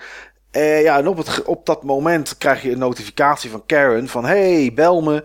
En eh, ja, dan heb je zeg maar je volgende sessie. En dat duurt volgens mij een dag of tien, zeg ik uit mijn hoofd. Volgens mij ook, ja. En dan is je sessie klaar. Ehm, en kan je aan het einde, eh, de app is gratis, kan je aan het einde kan je een rapport kopen over wat Karen van jou weet en hoe jij als persoon in elkaar steekt. En dat is eigenlijk een beetje de, dat is een beetje de app. Ehm, ja, Niels, jij noemde het spelen. Ja. Ja, dat vind dat. Ja, goed. Ik heb er geen gameplay in kunnen ontdekken. Eh, of je kijkt en doet niets, of je, je beantwoordt één of twee vragen. Ehm, Maar los van of dat het nou wel of geen spelen is. ja, Wat vond je van Karen? nou, dat is een beetje een, beetje een vuiligheidje, zouden ze in Den Haag zeggen. En eh, het vuiligheidje in dit geval is dat ik Karen niet zo serieus kon nemen. En helemaal niet toen ik wist welke kant het op ging. Ehm, ja, het- Steve, ik weet niet of je het nog gaat proberen.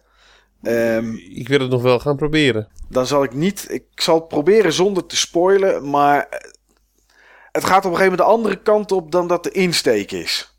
Laat ik het zo zeggen. En op het moment. Ik stuurde je ook een WhatsAppje, Niels. Van oké, ik zie nu dit en dit en dit. Eh, ik weet welke kant het op gaat. En dat, dat bleek ook zo te zijn.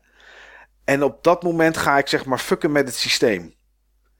Dan ga ik in de ene sessie ga ik eh, linksom zeggen. En in de volgende rechtsom om te kijken waar het dan uiteindelijk op uitkomt.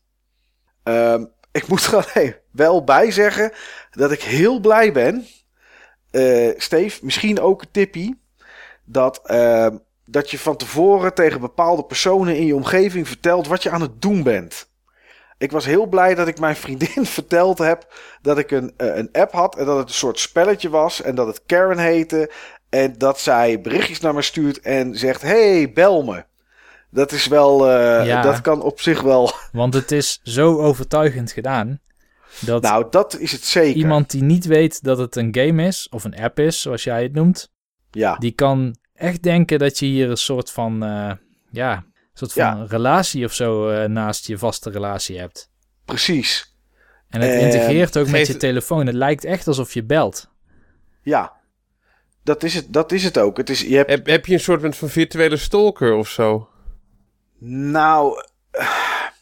Nee, het is niet echt stalken. Want het is niet dat je om de 10 minuten een berichtje krijgt. Je krijgt alleen een berichtje als het tijd is om eh, het volgende sessie te hebben. Of het volgende gesprek. Maar ja, weet je, de, er kan zomaar iets anders staan in de berichtjes die je krijgt van Karen. Dan eh, hoor je het is tijd voor je afspraak, bel me. En als, als iemand anders dat zou zien. eh, en je draait je telefoon ook, want het is natuurlijk horizontaal. En die, die Karen praat echt tegen jou. Ze zal niet zeggen: eh, Hey Steven. of Hey Steve. Of wat dan ook. Maar ze heeft het wel echt tegen jou. En ja, dat, en dat is wel heel goed gedaan. Het is ook een, echt een actrice die ze daarvoor genomen hebben. Dus het, wo- het is ook best wel aardig gespeeld, moet ik zeggen.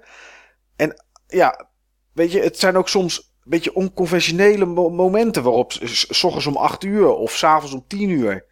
Dus ja, het, is, het, het, het lijkt, moet ik zeggen, wat de app voor mij goed deed, was dat het wel echt leek alsof ze voor mij belde. En keek ook wel een heel klein beetje uit naar het volgende moment, omdat ik benieuwd was wat ze ging zeggen of wat er ging gebeuren. Ja, En ik zit nu te denken of ik ook kan zeggen dat ik dat een beetje spannend vond. Ja, misschien soms wel. En dat, doen ze, dat, dat doet die, ik blijf het app noemen, dat doet die app wel goed, vind ik. Wat, wat vond jij van de overall experience, zeg maar, Niels? nou, ehm, de app speelt als een eh, soort Telltale game. Eh, Ja. En normaal heb ik daar best wel kritiek op, hè. Ja, dat weten we. Alleen wat ik heel goed vond aan, aan Karen is eigenlijk wat jij net zei. Hè? Op een gegeven moment kreeg je iets door en toen ging jij niet meer jezelf zijn in het spel. Nee, klopt. En dat heb ik ook meegemaakt, dat moment. Dat ik, ik, ik begon het spel op een manier dat ik dacht van nou laat ik gewoon als mezelf in dit gesprek gaan met Karen. En gewoon heel eerlijk ja, zijn. laat ik eerlijk zijn. Ja, Precies. dat. Want dan krijg ik ook een eh, verloop van het spel dat past bij mij. Ja. Want ehm, het, de loop van het spel past zich aan op de keuzes die je maakt, zoals in een Telltale game. Eh, ja, heb ik, heb ik nog wel één vraag zo. Uh, ja, een soort van opmerking, vraag iets over. Maar ga, ga verder. Nou, wat, wat ik grappig vond, is op een gegeven moment ging ik een klein beetje gamen in het spel. Ja, Ik maakte een keuze die ik niet zelf zou maken, maar ik was benieuwd hoe het spel daarin of daarmee om zou gaan. ja. En ehm, wat het spel dan weer heel goed doet, is het kan zo persoonlijk worden. En Karen kan ook echt persoonlijk worden en echt op een manier je toespreken of iets erbij halen wat met jou te maken heeft, wat zo ongemakkelijk wordt. ja, ik heb me ook een keer echt, echt een be- beetje kloten gevoeld. Ja, Ja, dat bedoel ik inderdaad. Dat je je kloten gaat voelen en dat zo'n app daartoe in staat is, dat vind ik super knap. nou dat is het ook. Alleen vraag ik me wel af. Er was een keer een moment dat ik eh, s ochtends om 8 uur een gesprek had. Ik maak daar dan wat. Volgens mij maakte ik één of twee keuzes. En toen kreeg ik pas de volgende avond om 7 uur mijn volgende belletje. En dat was wel een moment dat ik dacht: ja, dat dit duurt wel heel lang. Ja, Dus dan kijk je er wel een klein beetje naar uit, omdat je toch benieuwd bent wat er gaat gebeuren. Maar ik vraag me af, als ik andere keuzes had gemaakt, zou ik dan die dag nog een gesprekje hebben? Zou er dan iets anders voorgevallen zijn? oh zo, dat weet ik niet. Er zijn Nee, wel ja, een paar enige- choke points, net als de Telltale games dat hebben, dat je altijd naar een bepaald punt terugkomt, welke keuze Ja. je ook hebt gemaakt. Ehm, ik weet niet of je meer filmpjes of meer gesprekken gehad zou hebben bij een andere keuze. Nee, nee, je kan hem dan aan het einde kan je, ehm, ehm, kan je een eh, rapport kopen, hè? Ja. Dat heb jij gedaan. Ik heb dat gedaan, ja. Ja, ik heb het niet gedaan omdat ik dacht van, ik, niet van, ik wil hier geen geld aan uitgeven, maar ik heb het niet eerlijk ingevuld. Maar misschien heb ik het ook wel eerlijk ingevuld omdat je benieuwd bent waar het dan naartoe gaat. Dus het is, ja, het is een beetje, het is een beetje apart. Maar je kan hem, je kan hem opnieuw spelen. Je kan, als je klaar bent, kan je hem opnieuw spelen. En misschien dat ik dat nog wel eens een keer ga doen. Ik heb de app nog wel staan.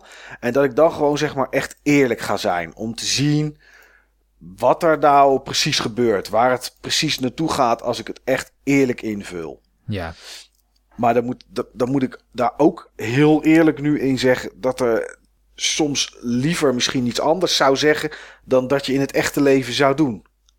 Snap je wat ik bedoel? Ja dat snap ik wel. Ehm, Maar dat, st- stel je zit, stel je zit met, met, met, met je vriendin op de bank naar een film te kijken en in die film zit een lekker wijf.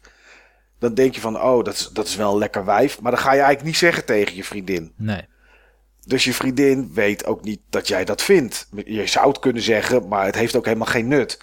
De, en dat zijn die dingen die dan in je hoofd spelen. Van eigenlijk zou ik dit willen zeggen, maar dat doe je moreel gezien niet. Dus ik zeg iets anders. Maar in die app kan je dat eigenlijk wel zeggen. Want ja, het is maar een app. Ja. Dus wat is dan zeg maar de eerlijke waarheid? Nou, daar heb ik dus eh, dat moment gehad waar ik net naar verwees. Dat ik Ja. begon te gamen en uiteindelijk toch, zoals ik zelf ben, eh, ben gaan terugsturen. Dan krijg je ook in die situatie, en ik denk dat jij daarnaar hint, ook de kans voor, twee keer, Ja, om eh, je te bedenken. Het spel Ja. maakt redelijk duidelijk aan je dat je je kan bedenken op wat, eh, waar je Karen een opdracht voor geeft. Jongens, Ja. wat zijn jullie heerlijk cryptisch. We zijn weer, weet je wat ik zal doen? Misschien is dat wel leuk. Ik kan wel heel even eh, wat snippets uit het data report noemen. Dan kan jij of een luisteraar ook voor zichzelf bepalen of dat het de moeite waard is om dat aan te schaffen. oh, dat is wel grappig. Want de app is Ja. gratis en Ja. als je het hebt uitgespeeld, dan heb je de mogelijkheid om de data die de app over jou vergaard heeft, over jouw persoonlijkheid, en daar is een rapport van gemaakt, om dat te kopen. En Ja, dat dat kost kost- 4 pond. 4 pond, ja, inderdaad. Het is, ook, het is ook gemaakt door volgens mij twee of drie mensen als een soort van kunstproject. Dat zie je ook aan het einde. Ehm, ja, en je ziet dan de, de actrice die Karen speelt. Ja. Die, eh, die, die zie je, en ik weet even niet meer uit welke serie ze komt, maar wel bekend. Het is wel een bekende actrice. Ehm, het rapport heeft een aantal onderdelen. Het, het gaat over eh, jouw personaliteit. Of de Ja. personaliteitsdimensies, zoals het eh, genoemd wordt hier. Het gaat ook over jou en Karen. Hoe je je tegenover Karen verhoudt. Nou, dat zijn de twee secties. En in die secties krijg je elke keer eerst... Bijvoorbeeld, eh, het eerste wat ik, wat ik lees in mijn rapport is... Hoe open ben je naar nieuwe en eh, andere ervaringen. Ja. En dan krijg je eerst de uitslag in hele grote gedrukte letters. En bij mij staat er You are really open. Vervolgens staat Ja. er wat betekent openness. Dus wat is, wat is dat in psychologische zin?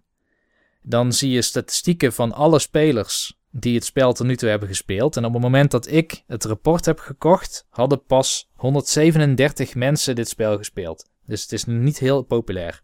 Gespeeld of ook het rapport gekocht? Dat weet ik niet. Ik denk gespeeld, eerlijk gezegd. Want het is er al sinds vorig jaar april of zo. Of mei. Het is al, het is al uit 2005. Ja, even. Tenminste, ik- dat, dat zag ik ergens staan. Misschien, of dat is misschien de datum dat ze eraan begonnen zijn. Maar goed, maakt voor de rest niet, eh, voor het rapport niet uit. Nee, Maar, nou, ik, eh, ik heb dan een staafdiagram met 10 schalen en ik zit dan in schaal 10, zeg maar de maximale schaal van open. Oké. En ongeveer 6 of 7 procent van de spelers die zijn in schaal 10. Oké. Veel mensen zijn open volgens de app. Nou, vervolgens krijg je eh, een uitleg over hoe deze statistiek is afgevangen in Karen, in de applicatie. Dus welke mechanics die erin zitten, hebben ervoor gezorgd dat zij deze data kunnen interpreteren. Mhm. En daaronder staat dan een bronnenlijst en een uitleg van een professor. Oké. Het is wel echt onderbouwd eh, eh, wetenschappelijk. Het is, onder, het is inderdaad wetenschappelijk onderbouwd. En vervolgens doen ze datzelfde voor hoe neurotisch je bent. Nou, daar, eh, ben ik dan laag. En ook weer echt de laagste. Ik ben heel... Ik, ik zit altijd aan een extreem blijkbaar van die... ja, van je bent of wit of zwart. Ja, altijd wit of zwart. Oh, dan heb ik per op credits gedrukt. Nou ja, en, en zo zijn er meer van die statistieken. Maar elke keer volgt het dezelfde opbouw. Dus eerst de uitslag, dan wat ermee bedoeld wordt. Dan En dan wat, wat de mensen gedaan hebben die het gespeeld hebben. precies en een En hoeveel van die statistieken zijn er ongeveer, plus minus? Hoeveel? Ja. Even kijken. Je hebt ehm, hoe open je bent naar ervaringen. Hoe neurotisch je bent of hoeveel aanleg voor een neuroticiteit je hebt. Hoeveel controle je voelt te hebben over je leven. Ehm, wat jij belangrijk vindt in je leven. Nou, dat is die keuze die, eh, die, waar Michael het over had eerder in Ja. dit stuk. Eh, wat eh, mijn materialiteit over mij zegt. Ehm, hoe ik tegenover privacy sta. En dat was het. Oké, dus zes, zes, vijf of zes dingetjes waar dan op getoetst wordt. Ja, het is eh, afsluitend. Het is, het is interessant. Het is wel, het is wel grappig om te zien waar het naartoe gaat. Ehm, maar ja, zoals gezegd vond ik het moeilijk om overal eerlijk in te zijn. En ehm, Maar dat zou Dat- best wel eens het punt van het spel kunnen zijn, hè? Nou ja, dat is, dat, dat is natuurlijk ook zo. Hè. Het voorbeeld wat ik net gaf, als je op de bank eh, film zit te kijken, of als je op straat iemand ziet lopen of wat dan ook. Wa- wat is de echte jij, hè? Wat je denkt Mhm. of wat je zegt. Ja. En je zou zeggen, ja, wat je denkt. Maar ja, ik denk misschien wel heel veel de hele dag door wat ik niet zeg. Waar, dan als ik dat wel doe, ik een hele andere ik zou worden, waar ook de wereld anders tegenaan kijkt. Nou ja, kijk, in principe worden die uitslagen in zo'n rapport niet op één keuze Nee, gebaseerd. klopt, klopt. Maar goed, weet je wat het ook is? Het is, het is, een, het is een app, dus het heeft ook nul gevolgen. Als ik, als ik tegen Kern zeg van, eh, je ziet er stom uit Ja. En, en je hebt een debiel jasje aan. Ja, weet je, kan mij het schelen. Er zitten toch geen consequenties aan. Nee. Dus eh, ja, het is, eh, het, is, het is wel een, een, een, een beleving, iets. En het, het, het zet je wel aan het denken hier en daar. En dat vond ik wel, eh, dat vond ik er wel apart aan. Nou, dan heb ik mijn doel bereikt. Ja, nou Steve, zodra jij het gedaan hebt, dan hoor ik graag nog eens een keertje hoe het, eh, of het je bevallen is of niet. Of wat, eh, Ja, Of ik wat denk dat ik maar eh, dit sociaal experiment op ga starten. Ja, ja, ja. Ik ben benieuwd. Ehm, ja, ik moet nog even iets. Ik, ik heb nog twee andere games. Over de ene ga ik niet bijna niks vertellen. Dat is The Witcher 3. We hadden het, je had het net natuurlijk al heel even over nieuws. En toen zei ik van, behalve op PC. Ik moet nog even zeggen, jongens. Ik ben, ik ben even door een lastige periode gegaan. Met wat gedoetjes op financieel vlak. Maar het is mij uiteindelijk toch met het verkopen van een deel van mijn collectie. En dan bepaalde items eruit. Gelukt om een, uh, een nieuwe PC te bouwen. En daar ben ik echt ziels en zielsgelukkig mee. Ik las het op Leuk, het forum. tof. Gun ik je. Ja, ik heb een, uh, een, een, een i7 6700 processor. Uh, dus echt overdreven eigenlijk. Om, uh, om, om, om die te hebben. Het zijn uh, 8 cores die erin zitten. En uh, ze draaien op 4 gigahertz. Uh, ik heb 16 GB geheugen erin zitten. Een Pro Gaming moederbord. En een GTX 1070. Uh, 1080 dat is zo'n was, hele nieuwe kaart. Uh, dat is zo'n toch? hele nieuwe kaart. Ja, die zijn Ja. net uit. En qua performance zit die boven de, de Titan van Nvidia die, die uitgekomen is. Uh, de allerduurste is GTX 1080. Maar goed, dat, die bedragen die gaan richting de 7, 7500. Ja, dat- dat, dat hoeft ook niet. Nee, dat vond ik net even wat, wat overdreven. Ehm, ja, en ik ben als een kind zo blij als ik The Witcher opstart. Eh, want dat, is, dat zit ik een beetje te spelen nu. Dat heb ik ooit op de PS4 gedaan, een uur of zeven. Daar heb ik het begingebied helemaal uitgekampt. Eh, alles gedaan. En zodra je naar Novigrad is volgens mij het volgende gebied waar je naartoe gaat. Eh, daar ben ik destijds toen gestopt. Novigrad is die stad in het volgende gebied. Oh, dat is de stad. Ja, dat klopt. Daar begin je dan, zeg maar. eh, daar kom, als eerste kom je eruit. In dat kasteel, zeg maar. Of paleis, of wat het dan ook is. Ehm, nou, daar ben ik, daar ben ik destijds eh, ben ik, ben ik gestopt op de PS4. Nu ben ik het weer aan het spelen. En ja, jongens, wat een game, man. Ik zal in de volgende podcast, dan heb ik, heb ik er veel meer uren in zitten, weet ik nu al zeker. Eh, zal ik er eh, wat meer over uit de doeken doen, ondanks dat we het er wel eens over gehad hebben. Maar wat een geweldige game is dat. Echt, eh, echt super. En, en ja, als je. Ik kan hem op alles maximaal draaien. Dus niet om te pochen, maar het is gewoon zo. Eh, zelfs Nvidia Hairworks staat op maximale, op level 8. Ja, en dan nog draait het op 60 frames per seconde. En ja, wat is die wereld schitterend, zeg. Met die lichtinvallen en dat soort dingen. 1080p dan neem ik aan, hè? Ja, ik draai het op 1080p. Ik heb nog geen andere monitor. Eh heb ik wel naar zitten kijken, maar ik vind die prijzen gewoon te bizar. Als je een 1440p monitor, dus nog niet naar 4K, maar 1440p monitor koopt, die dan eh, wil, of wil kopen, die dan ook nog eens op 144 hertz draait. Ja, dan ben je gewoon een slordige 6,5, 700 euro kwijt voor een monitor. En eh, ja, dat vind ik nog net even te gortig. Moet ik heel eerlijk Dat zeggen. gaat wel dalen. Ja, dat gaat vanzelf wel dalen. Maar goed, dus eh, ik heb gewoon nog mijn huidige monitor. eh 24 inch 1080p. Maar ja, smullen man, smullen.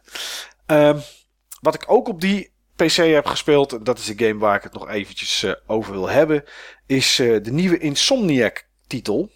En Insomniac is normaal niet van op de PC, maar eh, ja, ditmaal wel. Eh, en dat is Song of the Deep. Eh, ik weet niet of jullie er iets, iets van meegekregen hebben. Hij, hij is volledig ontglipt. Dat is niet zo heel raar. eh, als je hoort hoe, dat, hoe die game is uitgekomen. Heb jij er wel iets van meegekregen, Niels? Ik heb hem gezien een keer, Ja. maar ik weet er heel weinig van. En ik had ook nog niet zoveel interesse. Nee, nee, Song of the Deep is een beetje vreemd. Hij is gemaakt door Insomniac, maar niet uitgegeven door Sony, zoals de Ratchet Clanks.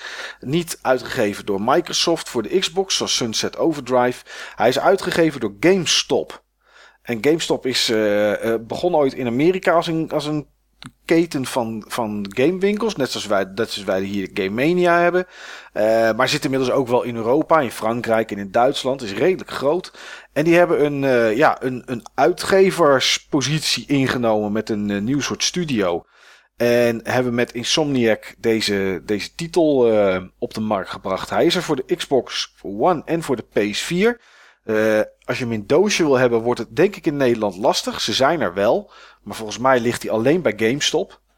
En het is een Metroidvania game in een Met onderzeeër. een onderzeeër zo te zien. Ja, je, bent, eh, je neemt de rol aan van een klein meisje. Een klein meisje heeft een eh, vader, geen moeder meer. Althans, die, daar wordt niet over gesproken in de, in de intro.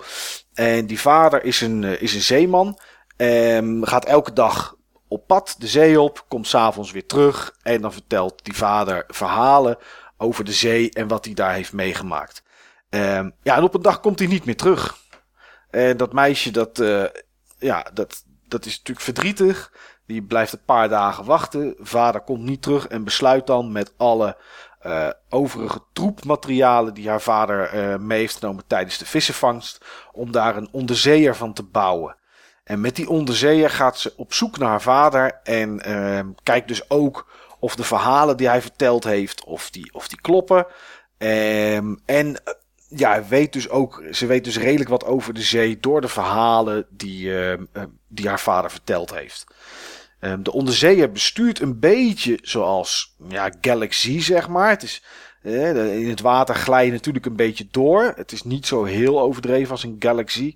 Maar um, de besturing komt daar een beetje op neer. Ja, je onderzeeër die kan een soort klein soort aanval doen. Of heeft een soort grijphaak waarmee je dingen kan vastpakken. En uh, ja, geheel in, in, in Metro, Metroidvania-stijl kan je in het begin bepaalde gebieden niet in. Later kan je je schipje upgraden. Kan je bij een. Uh, ja, het is, het, is, het is een soort van uit de kluiten gewassen zeeslak. Of misschien is het net een krab. Volgens mij is een krab. Kan je muntjes die, uh, die je in de zee vindt, kan je inleveren voor upgrades. Um, je kan nieuwe abilities vinden, die liggen in de zee. Uh, en ja, er zijn tegenstanders. En dan ga je op zoek naar je vader. Dat is, uh, dat is een beetje wat de game, uh, wat de game inhoudt. het ziet er enorm kleurrijk en, en, en mooi uit. ja, het ziet er echt heel mooi uit. Ik heb zeg ja. maar een beetje wat screenshots ja, gevonden en doorgegaan. En het ziet echt prachtig uit. Ja, je zou het een diepte beetje... die er ook in zit. Ja, klopt. Er zijn meerdere lagen inderdaad. Soms komen er in één keer wat kwallen voor het beeld voorbij. Of, of, of zeewier die zeg maar op de voorgrond is. Um, wat, wat die grafische opzet betreft lijkt het een beetje op Ori and the Blind Forest.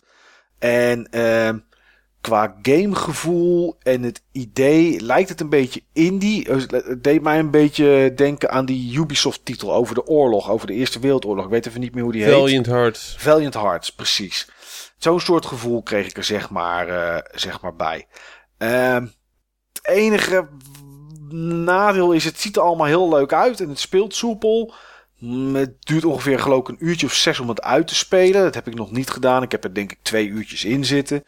Maar dit is een beetje hetzelfde gevoel had ik erbij als een game die ik onlangs ook gespeeld heb. Uh, Brothers, A Tale of Two Sons.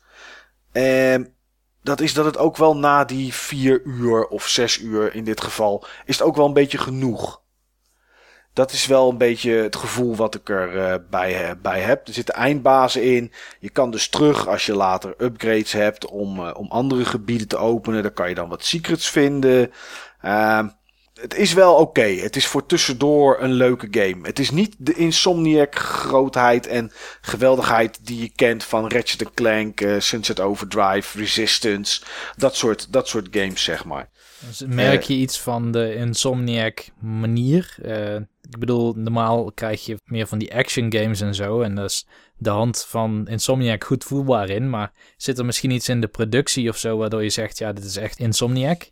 Nou, alleen misschien een beetje uh, qua storytelling.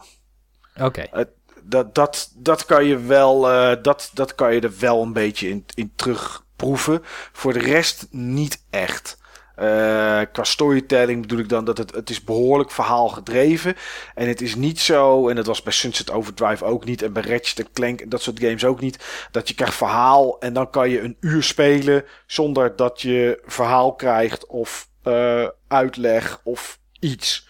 Dat doen ze wel heel goed. Dat is, uh, het is wel behoorlijk verhaal gedreven met veel praten ook in zichzelf, dat meisje die, die in die onderzeeër zit en ja, dat doen ze wel, dat doen ze wel leuk. Um, het enige wat wel is, dat ik merk dat Insomniac is geen PC-ontwikkelaar. Ondanks dat ik dit met de controller speel uh, en er niet heel veel grafische opties zijn. Ja, fullscreen ja of nee. Uh, en een V-Sync. Een V-Sync zit er in die V-Sync echt een vuiligheidje. Die kan je zetten op, op 0, op 30, op 60 en op Unlimited. Normaal weet ik V-Sync aan of uit en misschien twee of drie gradaties, maar hier zit er heel veel in. Uh, als je die op Unlimited zet, en daarvoor uh, was het ook even nuttig om net te vermelden dat ik er een uh, GTX 1070 in mijn PC heb zitten, ja, dan hapert het en schort en stoot het aan alle kanten. En dat is voor zo'n klein gamepje, vind ik dat best wel slecht. Ik heb ook nog nergens daar iets in reviews over gezien. Maar de meeste mensen hebben hem op PS4 gespeeld. Dus ik, ik hoop dat er nog een keer een update voor komt. Of, of nieuwe video, videodrivers van Nvidia. Dat gebeurt tegenwoordig ook voor elke grote game. Dat er drivers zijn die speciaal geoptimaliseerd zijn voor. Maar uh, ja, dat is het enige wat een klein beetje tegenvalt eigenlijk aan Song of the Deep. Ja. Nou goed, het is, het is een leuk spelletje voor tussendoor. Als ik het een cijfer, een cijfer zou moeten geven, kom ik denk ik uit op een zeventje. Uh, tot nu toe. Uh, later in de game kan je ook uit de submarine, dan kan je zwemmen, dan kan je kleine gaatjes door, je krijgt meer bommen en dat soort dingen allemaal. Tegenstanders zijn tot nu toe vrij eentonig. Uh, maar het ziet, er, ja, het ziet er gewoon leuk uit. Het is gewoon een leuk spelletje voor tussendoor. Uh, ik weet niet wat die kost voor de PS4 en voor de Xbox One. Uh, voor de PC was die, zeg ik even uit mijn hoofd, 15 euro. Dus dat is, weet je, het is ook niet, het is ook niet de wereld om hem, om hem te kopen. En waarom heb je hem gekocht? Ja, ik was gewoon benieuwd eigenlijk. Ik, uh, voornamelijk ook wel een beetje omdat ik vorig jaar, was het, was het vorig jaar? Ja, vorig jaar behoorlijk uh, verrast werd door Ori and the Blind Forest. Dat was dan wel meer platformer. Maar ja, ik, ik weet niet. Insomniac, het zag er leuk uit. Ik denk van nou, een beetje exploratie. Ja, okay. Laat ik het gewoon proberen. Ja. Dus dat is, dat is eigenlijk... Uh, dat is eigenlijk de reden dat ik hem... Ja, en Insomniac levert nooit, tenminste bijna nooit troep af. Dus ja, ik dacht van... Uh, ah joh, ik geef het gewoon, ik geef het gewoon een kans. Nou, het, het valt niet tegen. Ik ga het echt nog wel uitspelen. Uh, een keer, maar heeft niet zoveel prioriteit meer na die twee, tweeënhalf uur die ik er nu in gestoken heb. Dat, dat dan weer niet. Oké. Okay. Ja, een aankoop die een beetje, uh, waar ik misschien niet van tevoren op, uh, op had gerekend. En dat is ook misschien wel iets waar we, het, waar we allemaal last van hebben. En ja, daar gaan we het eens over hebben, jongens. Over, ja, misschien is het wel gevoelig iets over ons koopgedrag. We gaan onszelf een beetje een spiegel voorhouden misschien. Hoe kopen wij games?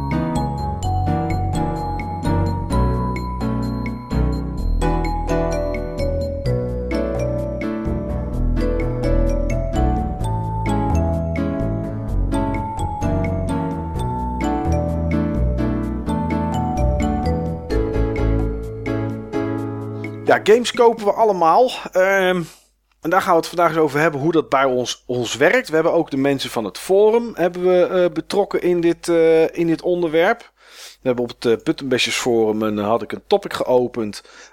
ja, waarin de vraag een beetje was van ja, hoe bepaal jij of je een, of je een game gaat kopen? dat is in het, in het topic een beetje richting retro en richting nieuw is dat een beetje opgesplitst. Dus dat, ja, dat zal bij ons ongetwijfeld door elkaar gaan, gaan lopen, zeg maar. Um, maar ik heb dat misschien een klein beetje opgesplitst hier en daar. En, en de, de hamvraag was eigenlijk, als je een game gaat kopen, waarom koop je die game? Niels, als jij een game gaat kopen, waarom koop je die? Wat is jouw intentie? Mijn intentie bij een game kopen is altijd dat ik hem ga spelen. Oké, okay, altijd? Altijd. Om alvast een van de dingen uit de weg te werken. En ja. dat is iets wat sommige mensen misschien wel doen op het forum, maar dat heb ik niet lang zien komen in het topic. Ik ook niet. Maar nee. ik weet wat je gaat zeggen, maar ik heb dat ook niet gezien. Het speculeren. Ja, een game kopen omdat je misschien denkt dat die meer waard gaat worden. Inderdaad. Dat is nooit een reden voor jou om een titel te kopen. Mm, het is moeilijk om hier ja of nee op te zeggen eigenlijk. Ja. Uh, ik koop niet een game met het idee dat ik hem ga verkopen. Oké. Okay. Maar Kan wel uiteindelijk gebeuren. kan wel uiteindelijk gebeuren natuurlijk. Maar ik kan wel een game kopen die ik wil gaan spelen. Waarvan ik denk dat die niet goedkoper gaat worden. Dus dat ik hem nu moet kopen. Oké. Maar dan zou je hem ook eventueel een half jaar later kunnen kopen. Als hij dan nog voorhanden is, dan wel inderdaad. Maar ja, dat is, dat is natuurlijk een beetje het punt ook inderdaad. om, om er hier een voorbeeld bij te geven. ehm, ik heb laatst eh, Valkyria Chronicles voor PS4 gekocht. Direct bij release. Ja, En ik koop eigenlijk zelden tot nooit een PS4-titel nieuw. Omdat de meeste games binnen een half jaar minder dan de helft kosten. Ja. Alleen sommige games zijn eh, in zo'n lage of in zo'n kleine oplage verschenen. En eh, digitaal is het ook, ook altijd maar hopen dat er een keer een aanbieding komt natuurlijk. Ja, want daar kan de prijs gewoon altijd hoog blijven namelijk. laat ik het zo stellen. Het lijkt erop dat het meestal gewoon een hoge prijs blijft digitaal. Ik heb nog zelden gezien dat een game die, eh, laten we zeggen, drie jaar geleden 60 euro was, dat die nu voor de vaste prijs van 30 euro in de PlayStation Store staat. Nee, klopt. Dus vandaar dat ik nog steeds retail koop. Maar ik maak wel de afweging. Of eh, laat ik het zo zeggen. Ik probeer het wel op een voordelige manier te doen. Dus dat kan zijn dat ik hem tweedehands koop. Maar het kan zijn dat als ik denk dat dat niet mogelijk gaat zijn. Of dat dat dan duurder gaat worden dan nu nieuw koop. Dat ik hem nu koop. Ja. Hoe zit dat bij jou, Steve? Games dat je denkt van, hé, hey, deze koop ik. Is dat al, ook altijd omdat je de intentie hebt om ze te gaan spelen? Ja. Eh, bij nieuwe games sowieso. Ja. Ehm, ik heb op dit moment ook niet zoveel zin om nieuwe games eh, te kopen op het moment dat ze net uit zijn. Eh, pre- precies dezelfde reden als, eh, als, als Niels. Het is gewoon geld weggooien. Ja. Ehm, ik heb ook heel weinig games gekocht voor mijn doen. laatste jaar, laatste anderhalf jaar. Nieuwe games. Games die ik heb gekocht, om het voorbeeld te noemen. ehm, eh, Collector's Edition van Fire Emblem Fates. Ja, moest ik gewoon kopen. Anders dan zou ik hem niet zo snel meer krijgen. Of, moet ik, eh, of dan moet je gewoon het dubbele betalen via Marktplaats of zo. ja. Eh, Collector's Edition van, eh, van eh, de nieuwe Star Fox. Die vond ik gewoon gaaf om te hebben. Ehm, toevallig heb ik dan ook laatst veel keer weer eh, Chronicles gekocht op de PS4. Wat heb jij ervoor betaald, Niels? Ik heb er 20 voor betaald. Ik heb er ook 20 voor betaald. Vond ik gewoon een goede prijs. is een remake, toch? Ja, en de Ja. adviesprijs was ook 20 euro. Oké. Vond ik een, eh, vond ik een goede prijs. En eh, ik had hem nog liggen op de PS3. Had ik een keer gekocht voor een tientje. Die gaat dan binnenkort weg voor 10 of 15 euro. Als ik een keer zin in heb om op Marktplaats te zetten. Ja. En ehm, ja, ik had ook nog de eh, Divinity Original Sin gekocht. Ook voor 20. Was ook wel een game waarvan ik eh, het de moeite waard vond om hem te hebben liggen. Als ik hem een keer zou willen spelen. Dus ik- jij bent er gewoon zo positief over geweest, eh, Mike. Ja, zeker. Het, het sprak me ook oprecht heel erg aan. Maar eh, ja, dat zijn volgens mij samen met de Division uit mijn hoofd alle games die ik gekocht heb voor zeg maar wat ik noem dan eventjes iets hogere prijzen in 2000, eh, 2016. Ja. Dat vind ik niet veel. Ik ben eh, Nou ja, het- Maar je, ja. noemt, je noemt er toch een stuk of vijf, zes op, denk ik. ja, maar als ik gewoon kijk wat ik in het verleden allemaal gekocht heb, joh. Jawel, tuurlijk. Maar goed, als je dat dan nu, dit koopgedrag tegen dat koopgedrag van het verleden aanzet, is dit dan meer reëler? Omdat je die games in het verleden, waar je er dan meer games kocht, toch niet de tijd had om ze te spelen?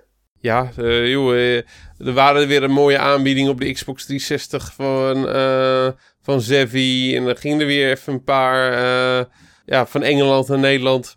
Het ligt allemaal nog in folie. En ik ben, Ja. het, op, ik ben het op Brommelmarkt, Koningsdag, eh tweedehandszaken ben ik het al tien keer tegengekomen. Van spreken voor een groot deel, voor een fractie van de prijs nog steeds.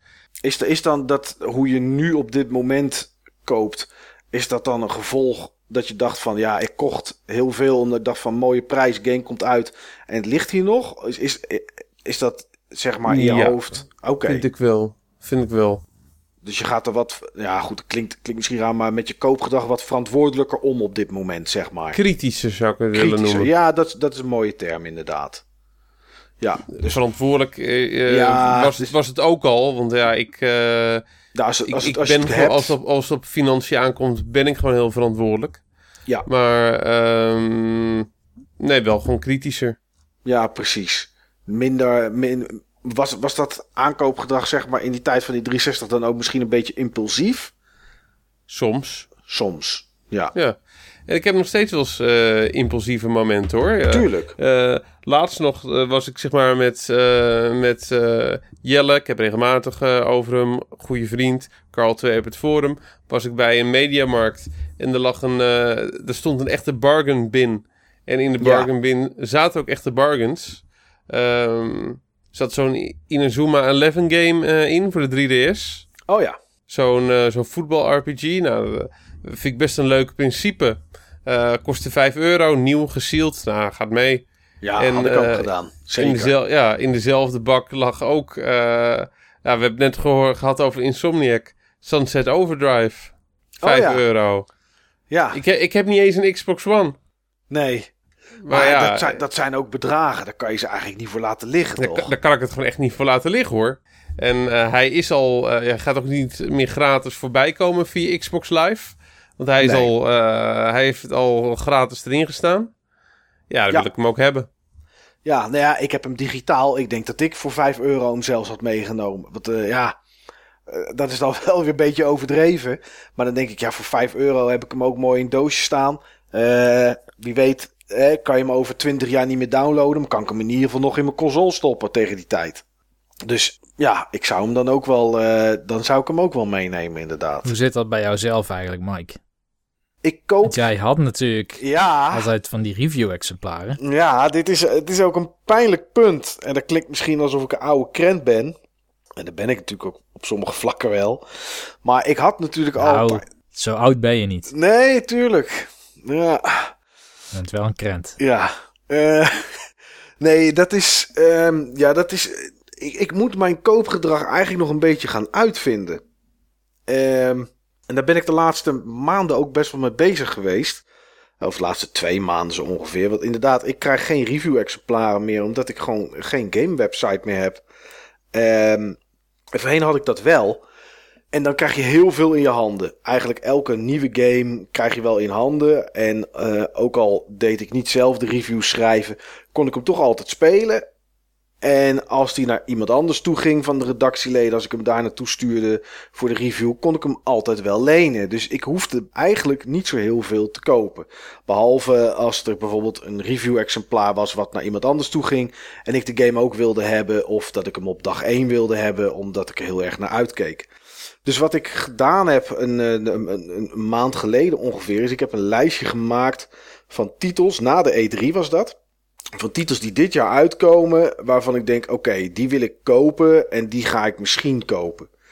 En ik merk dat op het moment dat ik reviews aan kon vragen, ik heel veel wilde spelen, omdat het ook kon.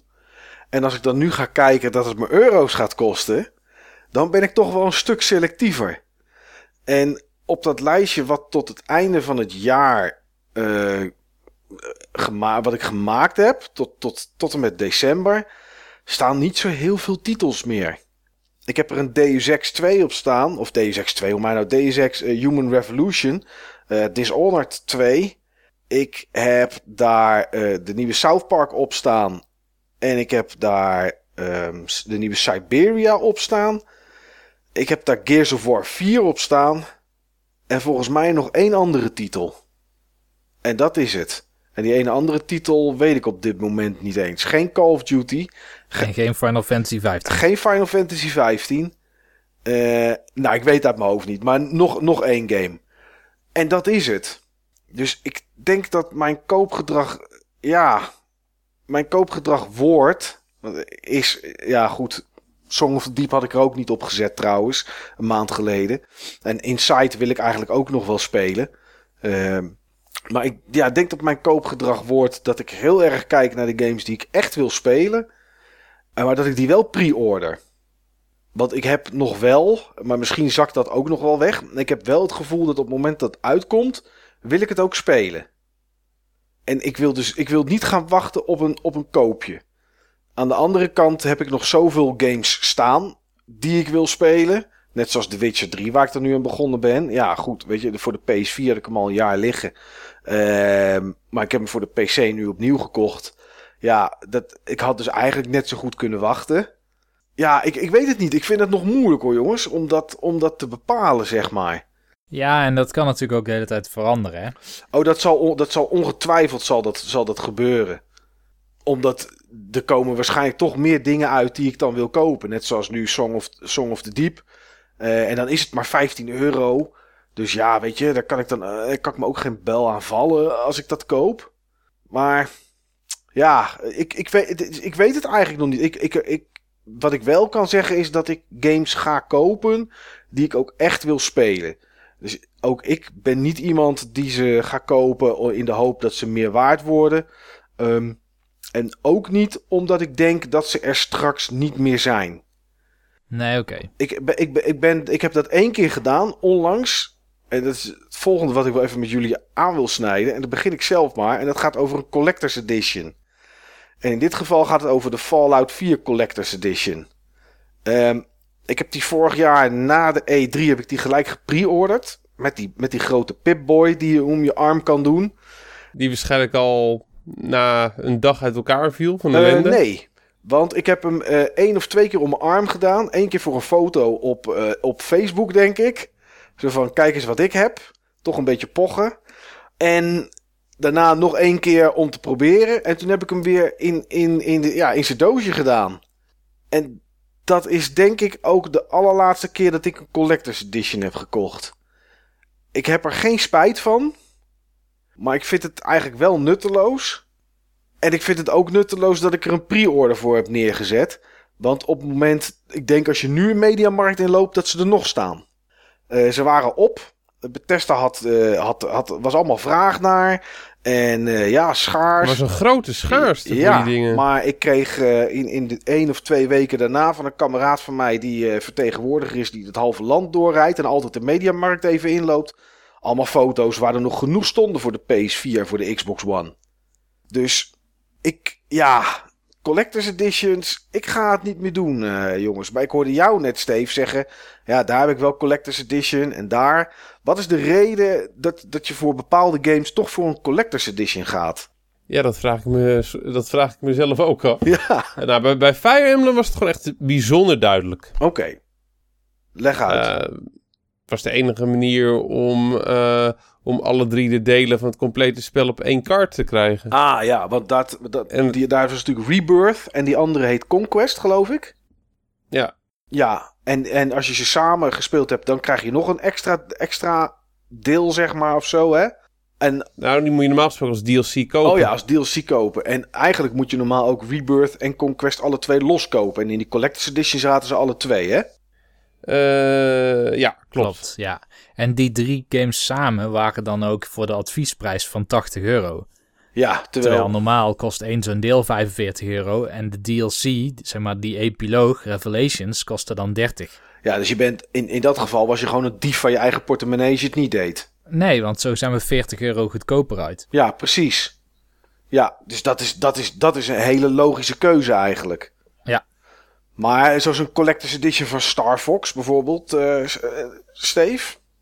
Ja, het had een beetje een impuls eh, karakter. Ik kreeg hem aangeboden en Star Fox, ik, eh, ik ben er natuurlijk wel mee opgegroeid. Ja. Het is Nintendo. En daarbij weet je dus van, joh, die zijn gewoon straks niet meer te krijgen. Dat soort dingen koop ik sowieso niet voor de verkoop. Nee. Maar dan vind ik het wel gewoon leuk op het moment dat ik hem heb. En ik heb hem liggen en ik kan hem spelen. Ik heb ook nog eens een mooie editie die heel lastig te krijgen is. Ja. Maar ehm, ik moet wel zeggen, het, is, het zijn ook geen mega collector's editions van, ehm, van eh, die Nintendo games. Je hoeft er geen hele plank voor vrij te maken. Nee. Anders dan, ik zeg maar wat, ehm, de doos van eh, de collector's edition van The Witcher. Ja. Die is een stuk groter. Dat Ja, ding is huge. En ze zijn ook betaalbaarder, hè. Die van Nintendo kosten meestal 70 euro, 60, 70 euro. Ja. En geen 130, zoals de meeste grote multiplatform collector's editions. Nou ja, dat is, dat is natuurlijk zo. Als je kijkt naar, het, ja, van Bloodborne. Was het Bloodborne of Dark Souls? Nee, Dark Souls hebben we eh, zelfs 400 gezien. Met eh, speciale beeldjes, eh, beeldjes erin. Ehm, maar goed, dus, zo af en toe een keer een Collector's Edition, Steve. Gewoon, Ja, gewoon voor de games waar ik echt iets mee heb. ja. Koop jij Collector's Edition? Ja, behalve die van eh, Fire Emblem dan waarschijnlijk, Niels. Maar over het algemeen? Over het algemeen niet inderdaad. Fire Emblem was een uitzondering. Maar ik moet wel zeggen dat ik eh, dit en vorig jaar toch meer Collector's Editions heb gekocht dan ik normaal zou doen. Hoe komt dat dan? Ja, ehm, laat ik het zo stellen. De meeste Collector's Editions zou ik achteraf niet gekocht hebben. Toch niet, hè? Toch niet, nee. Ehm, Ik heb precies hetzelfde. Dan heb ik zo'n ding. En dan ben ik er even blij mee. Mhm. En dan zie je hoeveel ruimte die in beslag neemt. En dan, eh, dan bekijk je dat beeldje nog eens beter. En denk je, ja, ik had het toch iets mooier voorgesteld. En dan Ja. valt het toch een beetje tegen. Ja, ja je, moet het ook, je, je moet het ook allemaal opbergen ook, hè? Het moet, want Ja. ja, om het dan in een doos te gooien en ergens op zolder of in een kelder, ja, daar heb je het niet voor gekocht.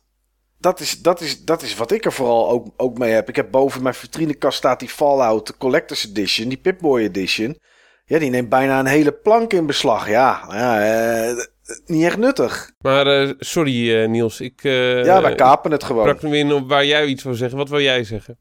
Nou, de laatste Collector's Edition die ik heb gekocht, of dat is dan niet een Collector's Edition, maar meer een Special Edition, is ehm, die Kirby Planet Robobot voor de 3DS.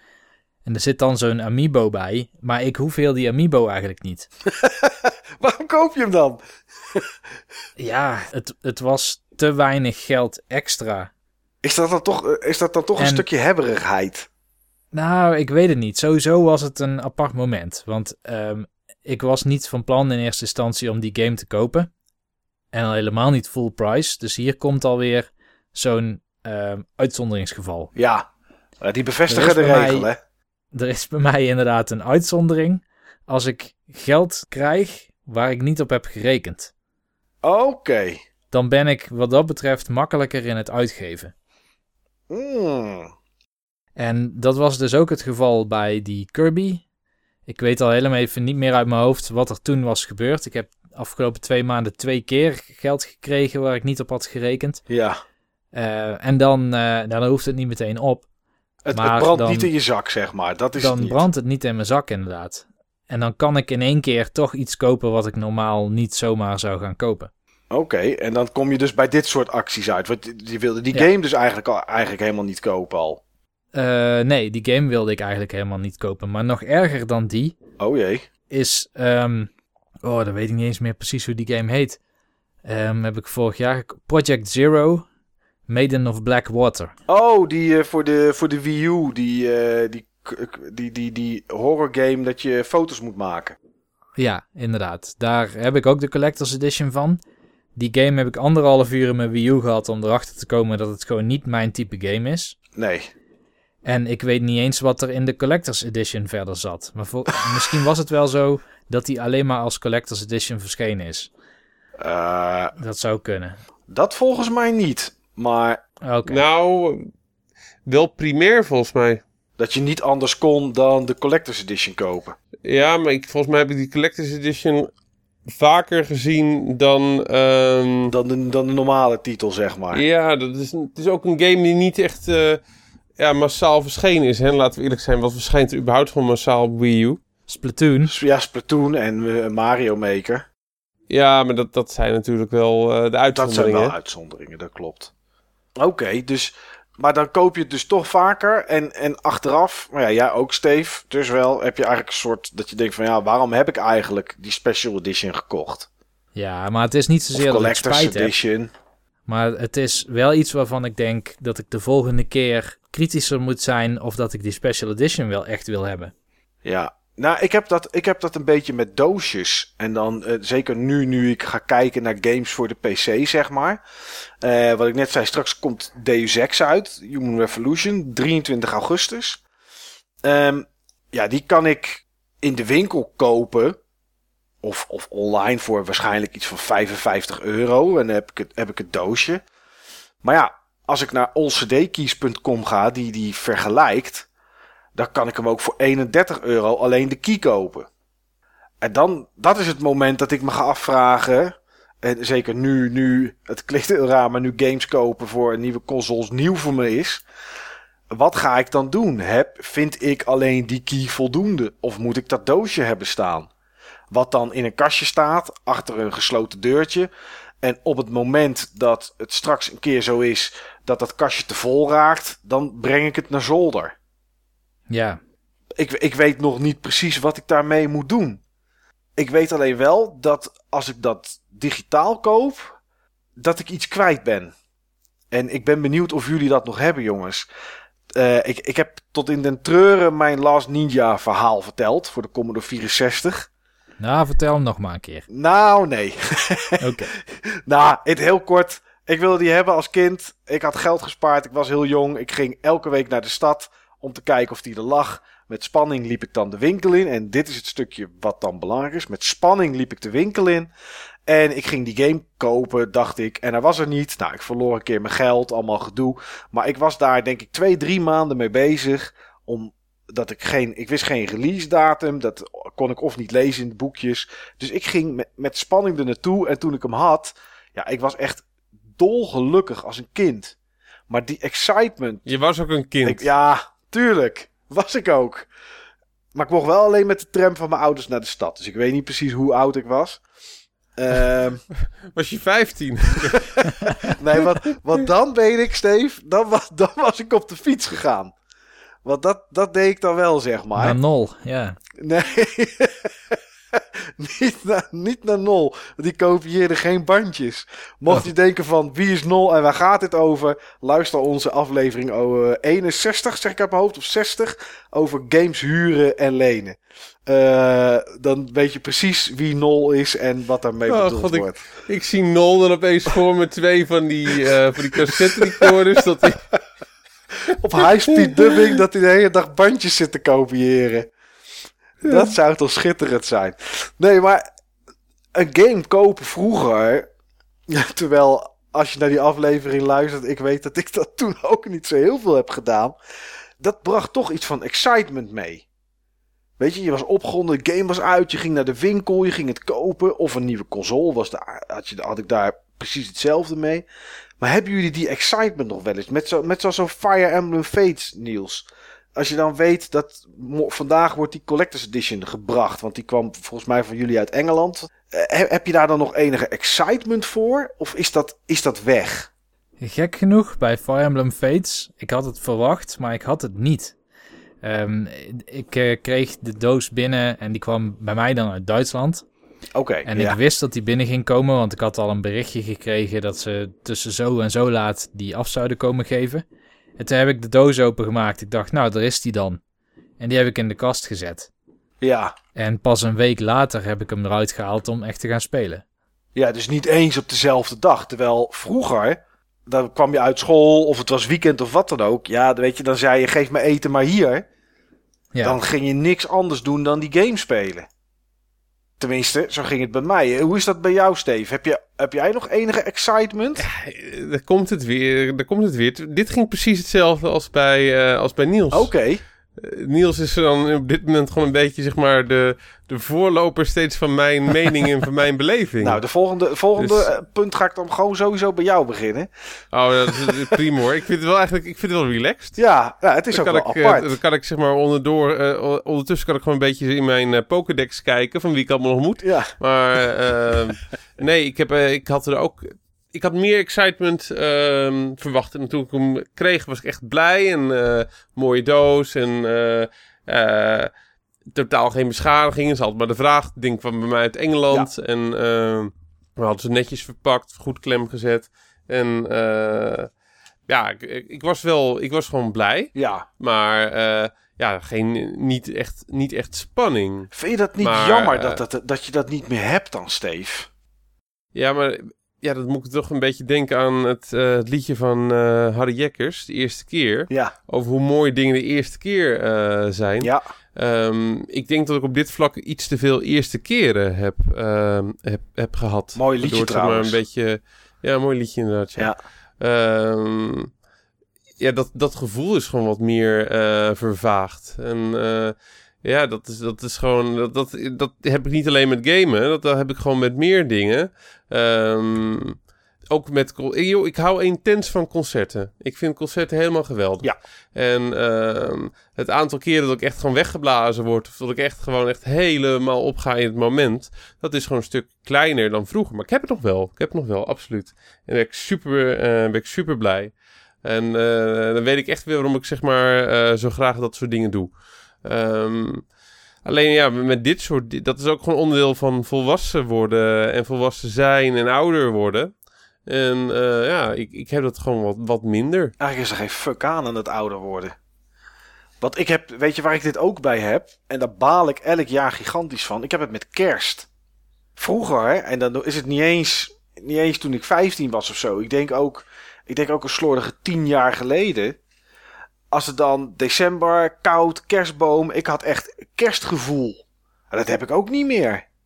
Ja, ik moet zeggen, het laatste jaar heeft ook denk ik een beetje met het soort winter te maken wat we gehad hebben. Misschien wel. Maar als je dan toch, als het wat fris is en het is donker en je hoort. eh Tun, tun, tun, tun, tun, tun, tun, tun, tun. Er wordt op de radio, Driving Home Ik heb, er nu al, nu ik dit hoor, ik heb er nu al zin in hoor. Ik krijg er nu al het goede kerstgevoel van. Ja, nou ja, misschien, misschien moet ik er een remix van maken. En dat, dat het, het kerstgevoel Ja. bij iedereen weer terugbrengt. Maar dan, dat, weet je. Dus ik heb, ik heb het ook niet meer hoor. Ik, ja, ik had het misschien bij. Ik, ik heb het wel in de aanloop er naartoe. Wat jij net zegt bij die concerten, kan ik me voorstellen dat als je dan in zo'n concerthal staat, dat je het dan wel hebt, omdat je het dan meemaakt. Maar de vooraf misschien niet. Ik had het bij Fallout 4 een beetje. En wat jullie dan ook hadden. En op het moment dat binnen is, inderdaad. Ja, kan ik die game ook net zo goed dan twee of drie dagen wegzetten. En denken, nou weet je, kijk over twee of drie dagen wel. Het hebben is dan wel nog enige excitement. Maar daarna hebt het eigenlijk dan ook wel heel snel weer weg. De meeste excitement zit hem gek genoeg in het kopen soms. Hoe, eh, op- bij zo'n collector's edition bijvoorbeeld van Fire Emblem Fates... dat je excitement hebt en blij bent en opgewonden bent... dat het je gelukt is om hem te kopen. Bedoel je dat? Ja, of het moment dat je in een winkel staat en, eh, en zo'n doos pakt. Dat je weet, Ja. ah, hij staat hier en ik was hier naar op zoek. En gek genoeg heb ik het meest zin in zo'n game op het moment dat ik hem zie en dat ik hem kan kopen. En op Ja, het moment dat hij daadwerkelijk aankomt, als hij bezorgd wordt, of dat ik daadwerkelijk thuis ben, nadat ik via een hele route vanaf mijn werk zeg maar thuis ben gekomen met een spel wat ik zojuist heb gekocht, dan is het nog maar te bezien of dat ik de tijd heb en de zin er nog in heb om dan daarmee te beginnen. ja. Dat is wel apart. Eh, Hoe eh, zat dat Ja, vroeger ook, ook eigenlijk? hierbij heb ik het weer ongeveer hetzelfde als Niels. Ja, nou, ik, denk dat we, ik denk dat we dat alle drie hebben. Als ik het zo hoor. En ik denk dat dat puur met leeftijd te maken heeft dan. Ja, dat denk ik. Ik wil eh, natuurlijk Steve high-fiven, maar dan sla ik mijn microfoon van mijn eh, desk af. Ja, Maar eh, nee, ik denk inderdaad dat dit herkenbaar is. En ook voor veel mensen die hier naar luisteren. ja, Want ja, ons leven is nu wel iets anders dan toen. ja, dat klopt. Ja, maar ik was ook net- wel benieuwd eerlijk gezegd, Mike, Ja, ho- hoe het toen was. Jij hebt het net al gezegd, hè, met je Last Ninja. ja, Maar in de tijd dat ik geld begon te krijgen, wat ik uit kon geven aan dingen waar ik het aan wilde uitgeven, dat was zo rond de Nintendo 64 tijd, PlayStation 1. ja, Toen ehm, spaarde ik en al mijn spaargeld, op ja, wat spaargeld na voor iets wat ik echt nodig had, ging altijd naar het volgende spel wat ik wilde Ja. hebben. ja, En ik, ik verkende altijd al wat er aan de horizon lag, welke Nintendo 64 games eruit zouden komen. Maar ik keek ook heel goed wat de aanbiedingen waren. En eigenlijk, zo gauw als ik genoeg geld had voor een spel, dan kwam er ook een spel. ja. Net alsof het, alsof het zo hoorde, alsof het zo moest. Ja, precies. En eh, dat heeft ook een heel raar effect op mij gehad. Dat ik tot een jaar of, nou laat ik zeggen, tien terug, Ja, dat ik, eh, als ik geld kreeg, rekende ik het automatisch om in Nintendo 64 spellen. dus je bent jarig geweest, je hebt geld gekregen. Oh, daar kan ik twee Nintendo 64 spellen van kopen. ja, Of- Eh, je hebt een salaris. hey, dat is eh 11 Nintendo 64 spellen. Op zo'n manier. ja. Verdomme Niels. Domme. dat deed ik ook. En ook voor de Nintendo 64, Steve. Nou, bij mij was het dan zeg maar meer uh, de, de, NES en de SNES.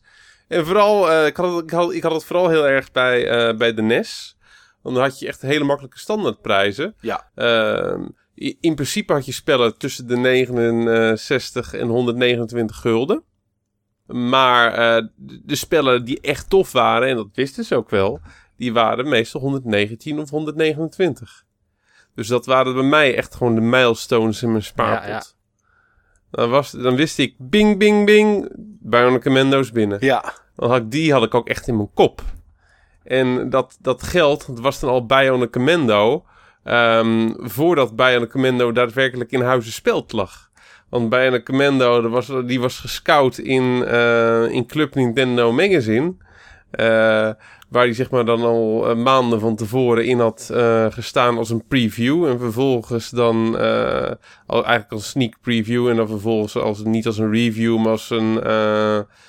ja. Een uitgebreide, ja, een soort, een groot, een soort uitgebreide preview nog tussendoor. Ja, een soort met van uitgebreide preview inderdaad, ja. En um, als hij erin stond, was nog maar de vraag of hij daadwerkelijk in de, uh, in de, in de Bart Smit uh, lag of bij de Intertoys lag. Dus uh, ja, dan. Uh, ja, je had gewoon je had een optelsom van spanningsmomenten. Ja. En, en tegenwoordig heb je dat uh, gewoon niet meer. Dat heb ik met heel veel dingen. Um, ik had het net al in, in mijn hoofd. Dat komt voor een heel groot deel door het, door het internet. Het internet creëert magie en kilt magie. Zeker. Ja, het heeft gewoon heel veel uh, van dit soort uh, magie. Uh, zeg maar de verrassing van dingen vinden. De verrassing van dingen spontaan tegenkomen. Er nog nooit van gehoord hebben. niet weten tot het uitkwam. Tot er opeens lag. Um, ja, de, de, wereld was kleiner. Ja. De wereld was kleiner. En ja, het internet is daar gewoon de grote katalysator in geweest. Om dat gewoon stapsgewijs ja, weg te nemen. En dat is prima, dat heet vooruitgang, dat heet innovatie, dat heet, uh, dat heet progressie.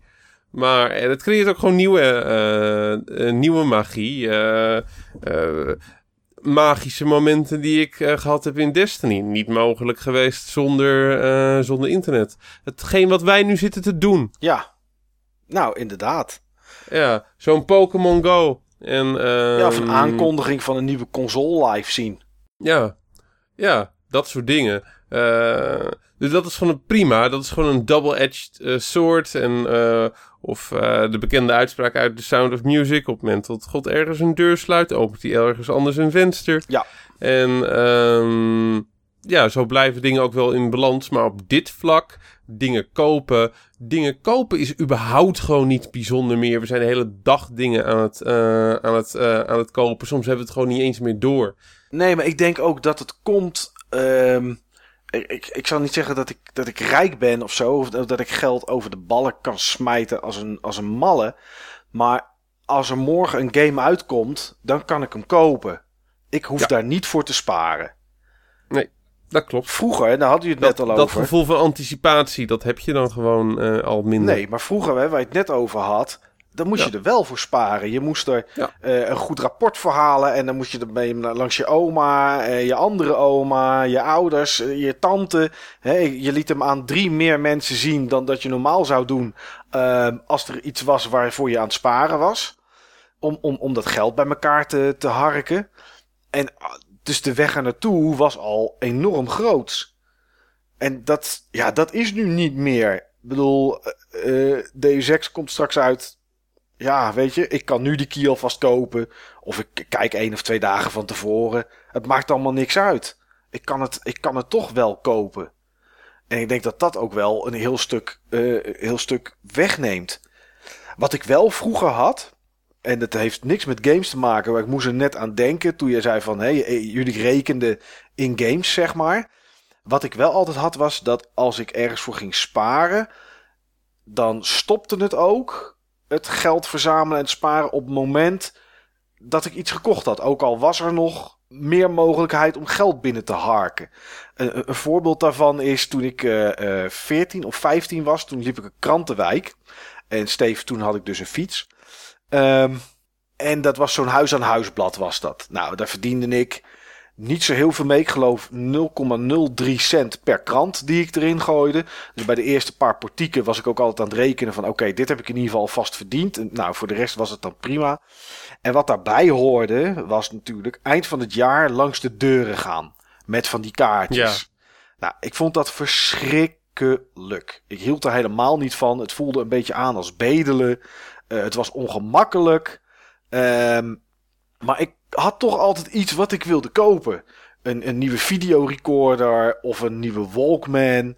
Uh, wat je in die tijd nog had. Of ik, ik wilde een, een Amiga. Of nou, die had ik toen al. Maar ik, ik wilde daar iets voor. En um, ja, ik, ik weet dus dat ik een jaar wilde ik een nieuwe Walkman. Die was 600 gulden. Want ik wilde dan uh, gelijk groeien. En ik bleef ook langs die deuren gaan. Totdat ik 600 gulden had. Op het moment dat ik dat had en ik moest nog mijn halve wijk af, pleurde ik die kaartjes in de prullenbak en stopte ik ermee.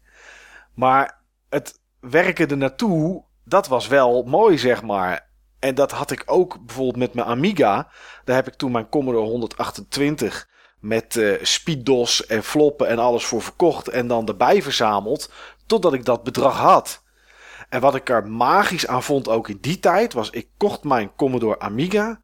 Uh, na schooltijd ging ik naar, naar de stad in Den Haag. En uh, nou, was nog een verkeerde prijs die in de krant stond. Maar ja, dit stond in de krant. Dus toen was het nog van, ja, ja, hij staat voor 899 gulden staat hij in de, in, in de krant.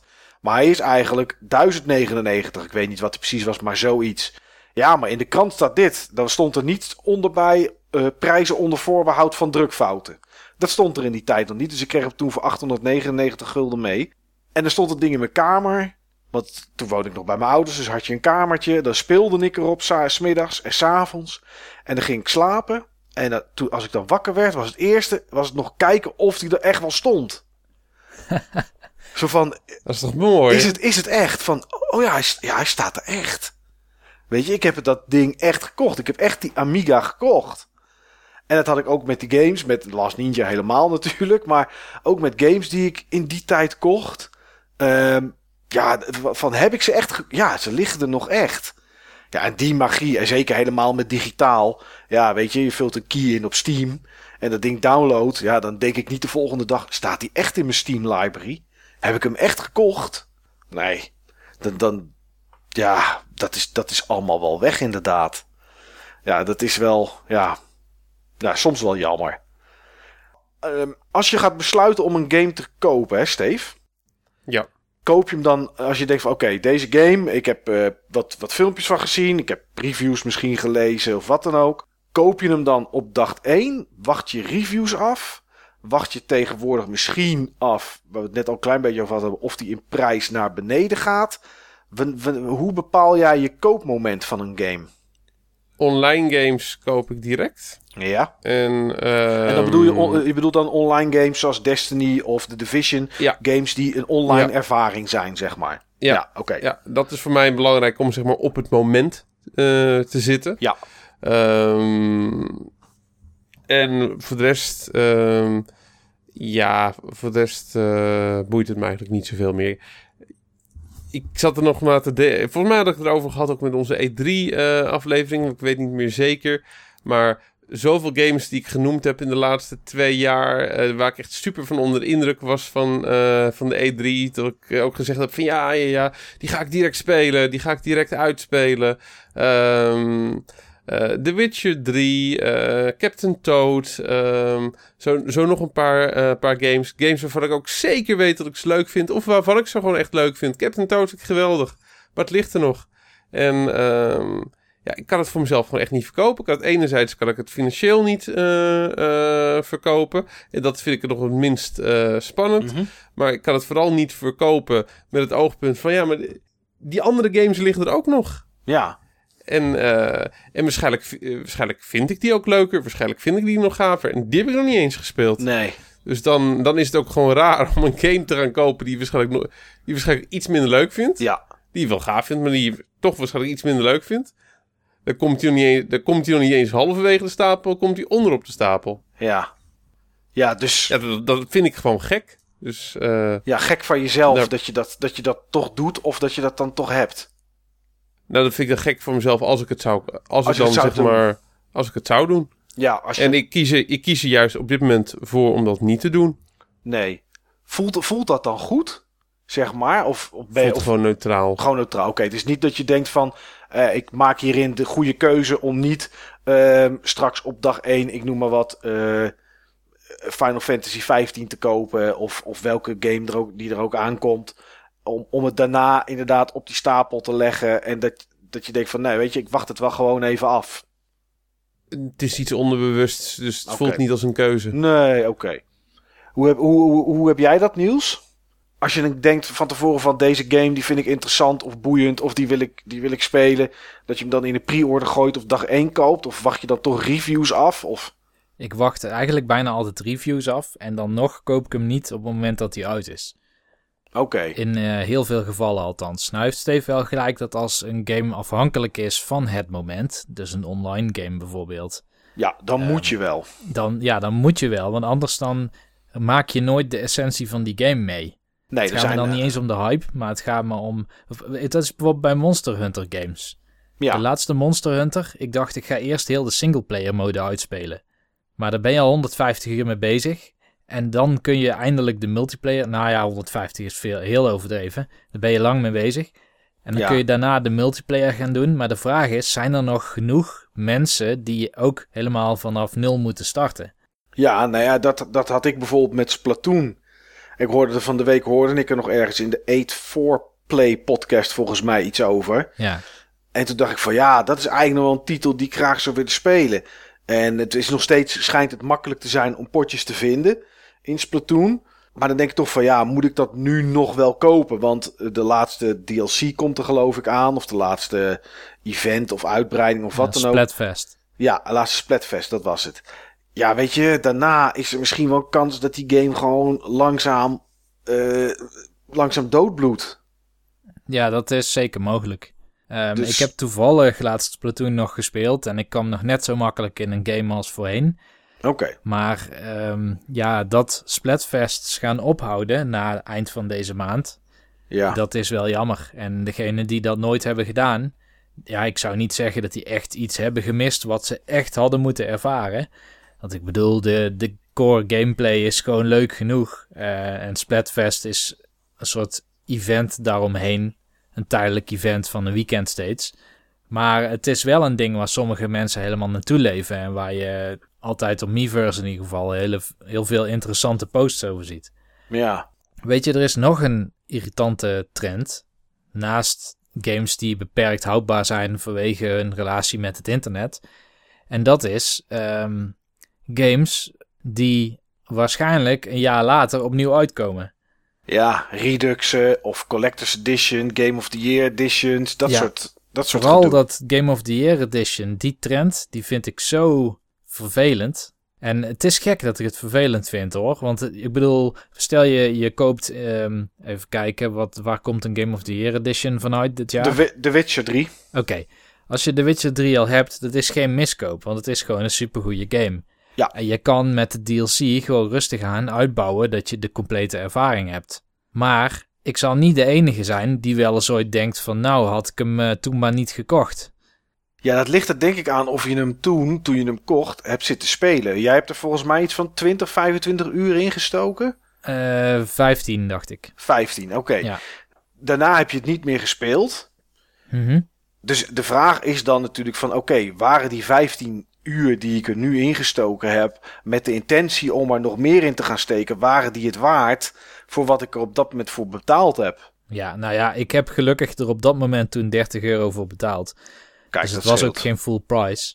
Nee, Maar eh, het is wel zo dat, dat nu een game. En, en je moet er denk ik ook gewoon aan wennen en jezelf eroverheen zetten. Ik denk dat heel veel games die uitkomen, vooral ehm, die gepublished worden door EA. Er Ja. zal altijd een jaar daarna wel weer een nieuwe versie van uitkomen. ja, Dat is hun business model. Ja. Ook al wint het maar één Game of the Year award van een van Biogamer Girl of zo. Al wint het er geen. Al wint het er geen. Dan noemen ze het gewoon de Definitive Edition. Klaar. Ja, Maar ja, dat is natuurlijk wat heel veel gebeurt. Zeker nu. Het landschap is daar behoorlijk heftig in. Eh, kijk naar Skyrim, dat duurt wel iets, iets, iets, iets langer. Eh, nou, zo zijn er natuurlijk nog, nog veel meer titels. Eh, de, de Bioshock Heeft Collection. Skyrim een Game of the Year edition gekregen? Juist niet, toch? Skyrim heeft volgens mij wel een Game of the Year edition gekregen. Dacht ik. Zal vast wel hoor. Ik zal hem waarschijnlijk gewoon gemist hebben. Er is wel een Legendary Edition. Ja, die zie ik inderdaad ook voorbij komen. Maar dat is misschien een, eh, hoe heet het? Een, een, een soort special edition. Ah, dat is een lastige. Wat ik weet dat Dragon Age eh, Inquisition heeft bijvoorbeeld ook geen Game of the Year edition, toch? Of komt die nu toch? Eh, nou, die is, er, die is er in ieder geval nog niet. Jawel, die is er wel. Is die er? Die is er. Inquisition? Ja. Oké. Daardoor heb ik Dragon Age Inquisition, de niet Game of the Year edition, gekocht. Want die was toen in één keer 19 euro. Ah, oké. Ja, dus het kan ook een voordeel zijn. Een Game of the Year edition. Ja, het kan een voordeel zijn voor mensen die niks geven om de complete of de definitieve editie. Die gewoon een versie van het spel gespeeld willen hebben. Want die kunnen dan de goedkopere versie die nu niemand meer wil hebben, kopen. Ja. Nee, zover ik kan zien is er van Skyrim eh, geen Game of the Year edi- editie geweest. We krijgen nu wel de, de, de Special Edition natuurlijk. Die op 6, 28 oktober bedoel ik uitkomt. De remaster. Ja, ja, die noemen ze dan de Special Edition. Oké. Wat daar dan, eh, ja, daar zit dan wel de DLC natuurlijk in. Dus ja, in theorie is het wel een soort Game of the Year edition. Ja, maar ja, ik, ik snap wel, ik snap wel wat je bedoelt. Maar ik weet niet, ik weet niet hoe, hoe zoutig ik daarom ben. Omdat als ik die game koop en het op dat moment ga spelen. Kijk, weet je, je, je, zou bij heel veel grote titels, waar vooral DLC vooruit komt. Zou je inderdaad kunnen wachten op een Game of the Year edition. Omdat 9 van de 10 keer er die wel komt. Maar ja, dan zou je ook kunnen wachten totdat die een keer in de aanbieding is. Want dat gaat ook een keer gebeuren. Ja, dat is ook zo. Ik snap het wel hoor. Ik, en, en, en met die, met die, met die Redux versies, of hoe je het ook wil noemen, die uitkomen. Kijk naar Ori, Ori and the Blind Forest. Eh, die is uitgekomen eh, vorig jaar. Daar kon best wat aan verbeterd worden. En weet ik wat, die komt dan nu nog een keer uit. In een soort van special edition. Heb je het origineel, dan kan je voor 5 of 6 euro, geloof ik, kan je het dan upgraden. Maar ja, aan de andere kant, weet je, er zit, niet, Vind ik niet goed. er zit geen nieuwe content in. Vind ik niet goed als Nee. er geen nieuwe content in zit. Nee. Misschien, misschien zit er wel moet iets van levels patch, in. het moet maar gewoon een de- patch eh, zijn. Vind ik echt niet. Vind ik persoonlijk echt niet kunnen. Nee, maar kijk naar wat ze met, eh, met, met Bioshock doen op de PC en Skyrim. Ja, heb je die ooit gekocht, dan krijg je straks wel gewoon de geremasterde versies. En dan is het weer niet zuur. Maar ja, blijft een lastige. Eh, al die dingen die we nu besproken hebben over hoe je games koopt en dat soort dingen. Steve, is dat ook nog een beetje van toepassing op retro games? Eh, Natuurlijk, natuurlijk kan je die niet pre-orderen, dat snap ik. Maar koop je die ook puur om te spelen? Of koop je die omdat je soms denkt: ik moet hem nu kopen, want die gaat meer waard worden. En als ik hem ooit wil spelen, dan heb ik hem. Wat is daar een Ehm. beetje het idee bij? op, de, op dit moment koop ik ze eigenlijk niet. Helemaal niets, hè? Nee. Ik, ehm, nu wil ik, als je het goed vindt, ook eventjes eh, een bruggetje maken naar de input die, eh, die mensen ons hebben eh, gegeven op het forum. Ja.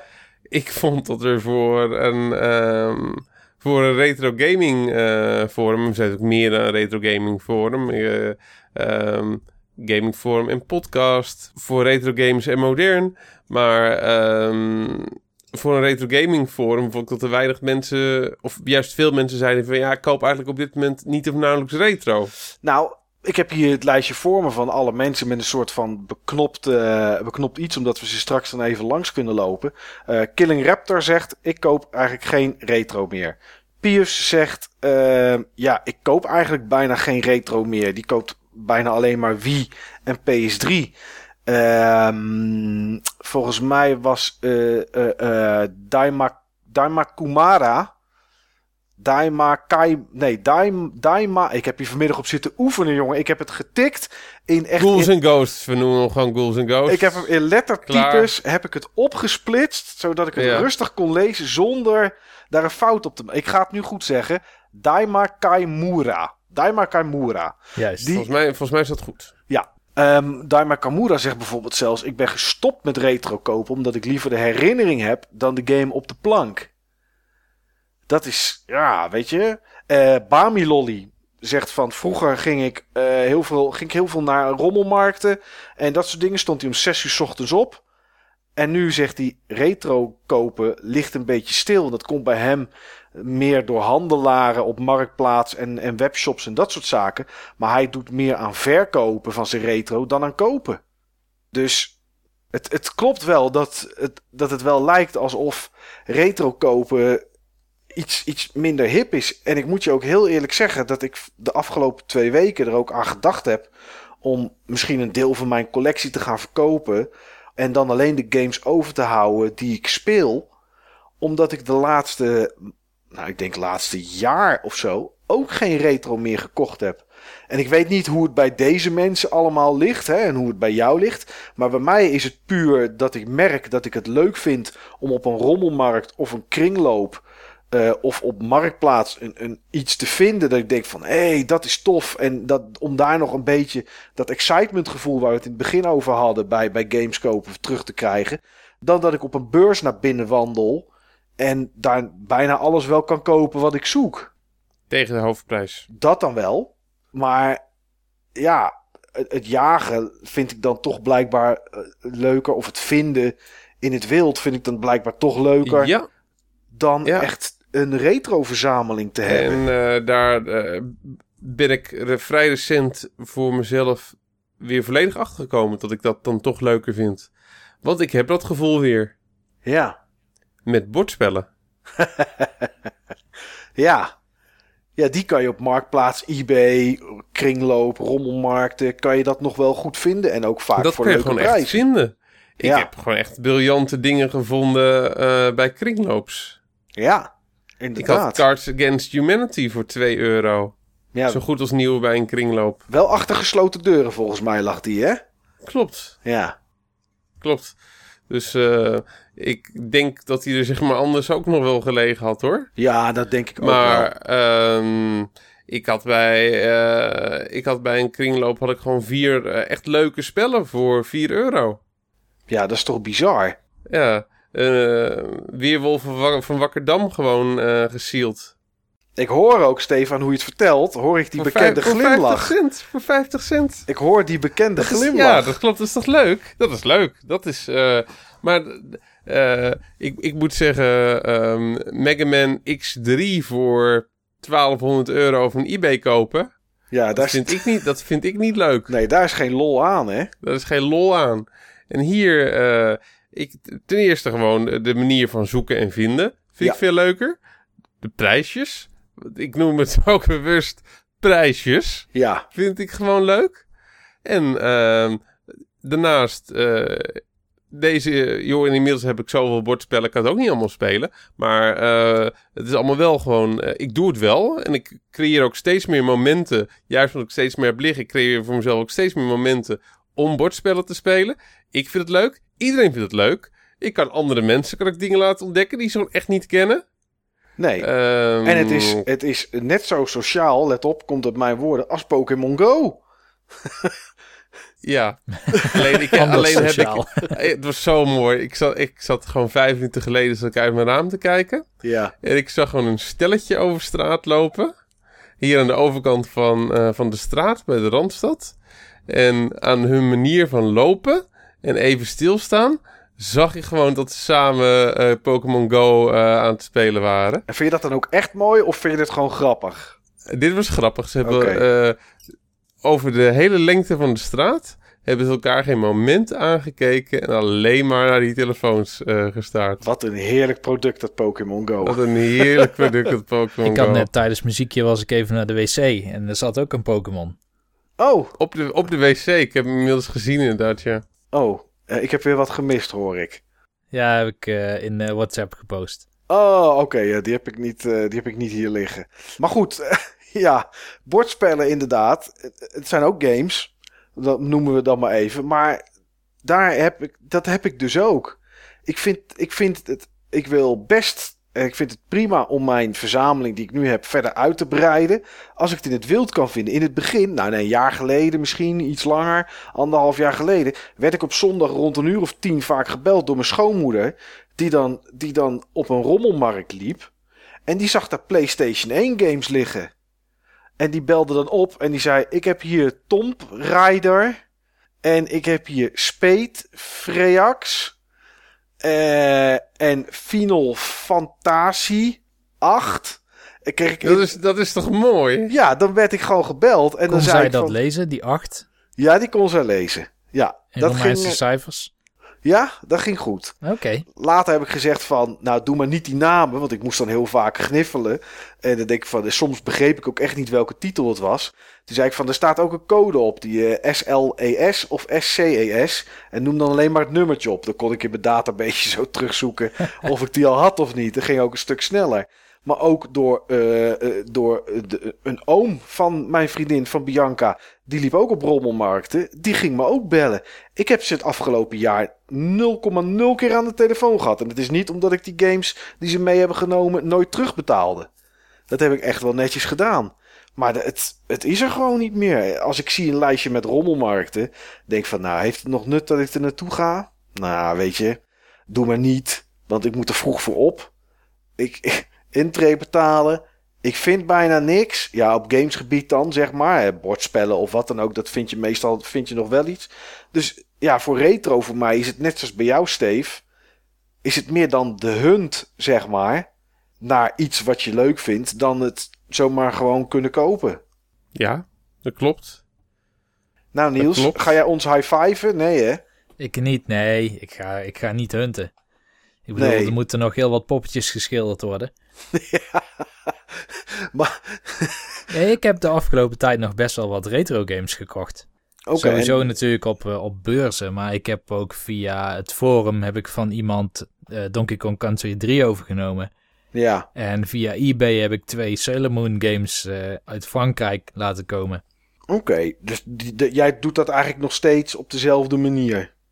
Ik doe dat nog steeds op dezelfde manier inderdaad. En dat doe ik eigenlijk elk jaar zo. Eigenlijk sinds ik niet meer echt een soort van complete set verzamel, want dan ga je op een heel andere manier kopen.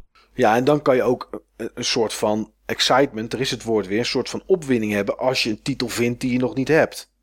Ja, Maar En- zoals jij het doet, zeg maar, jij kijkt en je denkt, oh, dit vind ik eigenlijk wel een leuke titel. Of Ja. je denkt, hé, hey, dit is een leuke titel, gaat op dat moment kijken. Ja, dat is een hele andere manier van kopen, inderdaad. Ja, ik denk, hey, ik heb zin in een beat-em-up, een 16-bit beat-em-up. En dan kijk ik wat filmpjes en dan zie ik een game. Dat kan dan bijvoorbeeld die Sailor Moon game zijn. Ja, En dan ga ik meteen op eBay kijken, waar kan ik hem vandaan halen? oké. Dat is wel grappig. Er zijn meer mensen die dat eh, op die manier doen. En misschien is dit het mooie moment. eh Steve maakte net al een bruggetje om eventjes de mensen van het forum eh, erbij te, erbij te pakken. Ehm, ik, ik vond het wel grappig om te zien. En ik zal dat, zal dat bij één of twee mensen zal ik dat, zal ik dat doen. Dat je aan de manier van kopen wel een soort van persoonlijkheid kan koppelen. En dat vond ik wel, dat vond ik wel, vond ik wel grappig. Niet bij iedereen. Maar Ik ben benieuwd wat je bedoelt. nou ja, eh, en, ehm, eh, ik, ik zal dan gelijk iemand naar voren halen eh, waarbij ik dat neer heb gezet, zeg maar. En dat is Nutsy Gutsy. Dat is, een, vind ik, een heel warrig persoon. ik weet niet of hij dat is. Als je luistert, eh Nutsy Gutsy, sorry als het niet zo is. Maar hij zegt, in dit kort komt het hierop neer. Hij koopt puur de games die hij wil spelen. Alleen heeft hij er niet altijd eh, de tijd voor. Nou, dat is denk ik iets wat we allemaal herkennen. Hij koopt ze tweedehands of na release zodra de prijs gedropt is. Maar niet voor RPG's, want die koopt hij op dag 1. Maar ook weer niet allemaal. Meestal koopt hij collector's editions, maar ook niet altijd. maar hij koopt ze, als hij dat koopt, koopt hij het niet voor de waardevermeerdering. Hij koopt wel eens ook andere collector's edition, dus editions, niet van RPG's, maar niet op dag 1, behalve als ze van Nintendo zijn. En hij zegt in het begin, ik koop puur de games die ik echt wil gaan spelen. En aan het einde zegt hij, ik koop eigenlijk best wel veel games waarvan ik nu al weet dat ik ze toch niet allemaal kan spelen. Ik vond het een beetje warrig. Nee, ik snap hem wel. Ik snap het wel, maar het is wel warrig. Het is wel warrig inderdaad. Ja, maar ik snap, ik snap het heel goed. En ik snap ook wat hij bedoelt met die RPG's. Die jongen heeft ook zeg maar heel lang een RPG-topic, zeg maar. ehm, Ja, of zelfs twee RPG-topics gehad op het forum. Enerzijds dat hij zeg maar een groot deel van een collectie eh, liet zien via een alfabet. ja, Anderzijds, want die zeg maar de nieuwe RPG's die uit gingen komen in mooie nieuwe edit in mooie collector's editions bijhield. En geval, eh, ik snap dat die zeg maar collector's editions koopt, maar niet altijd, want dan gaat fucking weer geld in op en al je ruimte. ja. Dus moet je in kiezen, want er komen best eh, nog aardig wat RPG's eh, uit. Mhm. En ik snap ook dat die andere eh, collector's editions, als die ze goedkoop ergens tegenkomt, bijvoorbeeld zoals zo'n collector's edition van Fallout 4, eh, die er eeuwen heeft gelegen, die afgeprijsd is bij bol.com of bij Mediamarkt, van dat hij dan meeneemt. ja. En eh, ik snap dat hij dan, zeg maar, eh, Nintendo dan een status aparte geeft naast zijn, eh, naast zijn RPG's. Ja, want die koopt hij dan, eh, die koopt hij dan wel inderdaad eh, op Ja. dag 1. Ja. En eh, willen spelen en kunnen spelen zijn ook twee andere dingen. Zeker, dat is, eh, dat is ook zo. Ehm, Zeker met die RPG's, joh. Dat, ja, dat zijn geen games van 10 uur. Even Nee. Xenoblade Chronicles X spelen. Ja, precies. Dat is, dus ik, ik, ik snap het wel. Maar ik vond het wel grappig. Ja, hoe die, hoe, hoe die uitlegt hoe het bij hem werkt. Ehm, Tom vindt het kopen van collector's editions van nieuwe games kapitaalvernietiging. Ik vond dat eh, redelijk heftig. nou ja, goed. Ik schrok er niet van. Maar bij, Tom- gelijk. bij, Tom, bij Tom werkt het voor, voor nieuwe games eh, anders dan voor retro games. Want nieuwe games wil hij zo, zo goedkoop mogelijk eigenlijk hebben. Maar ook het liefst zo snel mogelijk om ze snel uit te spelen en weer door te verkopen. Dat is dus, ja. Hij, hij koopt het dus niet voor de heb. Behalve retro, maar dat moet dan weer wel compleet zijn. Dus een, een collector's edition vindt hij kapitaalvernietiging. Maar retro wil hij dus eigenlijk blijkbaar het liefst geen cards, maar compleet. Nou goed, snap ik wel. Want eh, hij wil natuurlijk het mooie product hebben staan. Ik vind, eh, ik vind collector's editions in de meeste gevallen ook kapitaalvernietiging. Ehm het aantal collector's editions wat echt zeg maar opeens heel veel geld waard is of eh, überhaupt gewoon zijn waarde houdt, is beperkt. Ja. Eh, ja, ik, ik, joh, ik heb hem hier staan, de collector's edition van, ehm, van, eh, van Watch Dogs. Ja, Eh, de Dead Sack Edition. Ik moest hem hebben, omdat die game zo, eh, zo gehyped was. Eh, game en die Collector's Edition die ligt er bij wijze van spreken overal voor drie tientjes. ja. ja, dat is zonde. Dat Ja, is, dat is dat, inderdaad eh, zonde. Toch denk dat- ik dat wij wel weer in die val gaan trappen. Ehm, niet zo vaak meer.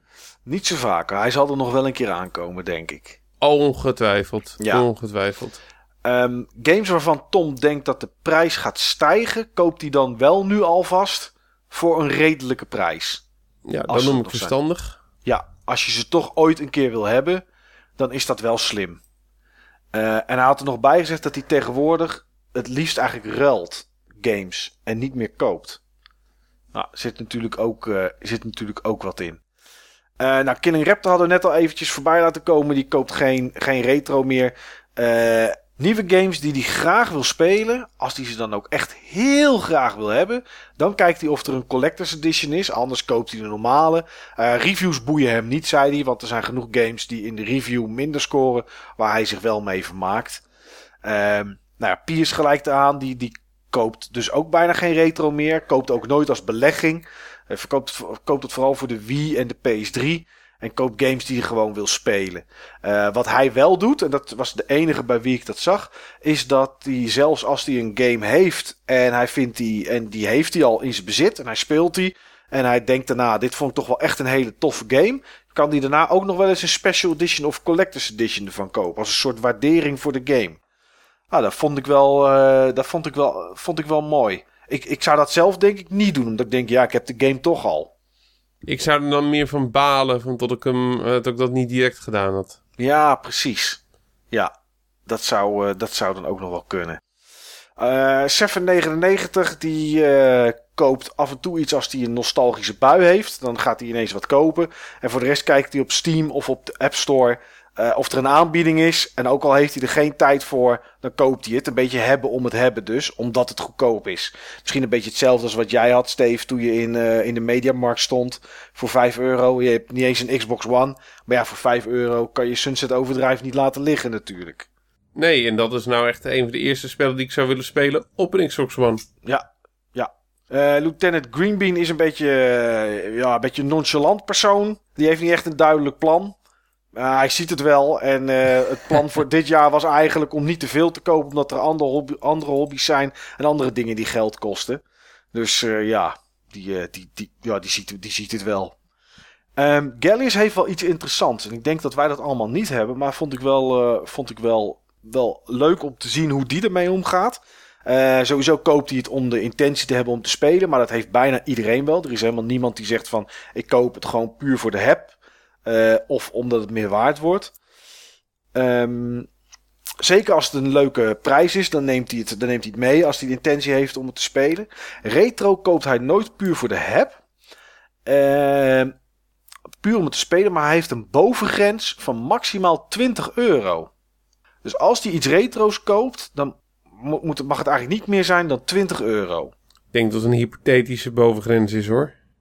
Um, ja, hij zal vast wel eens een keertje misschien, misschien iets meer uitgeven. 25 euro of zo, of wat dan ook. Maar hij zegt zelf heeft hij een bovengrens van 20 euro. Nieuwe games koopt hij bijna nooit op de release. Behalve waarschijnlijk Dark Souls-achtige games. Uh, collector's editions koopt hij al helemaal niet. Want die vindt hij te duur of ze nemen te veel ruimte in.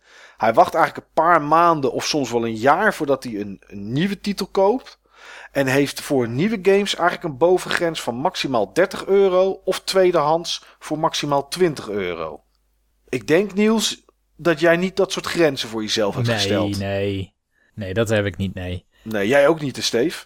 Nee, ik werk niet met grenzen.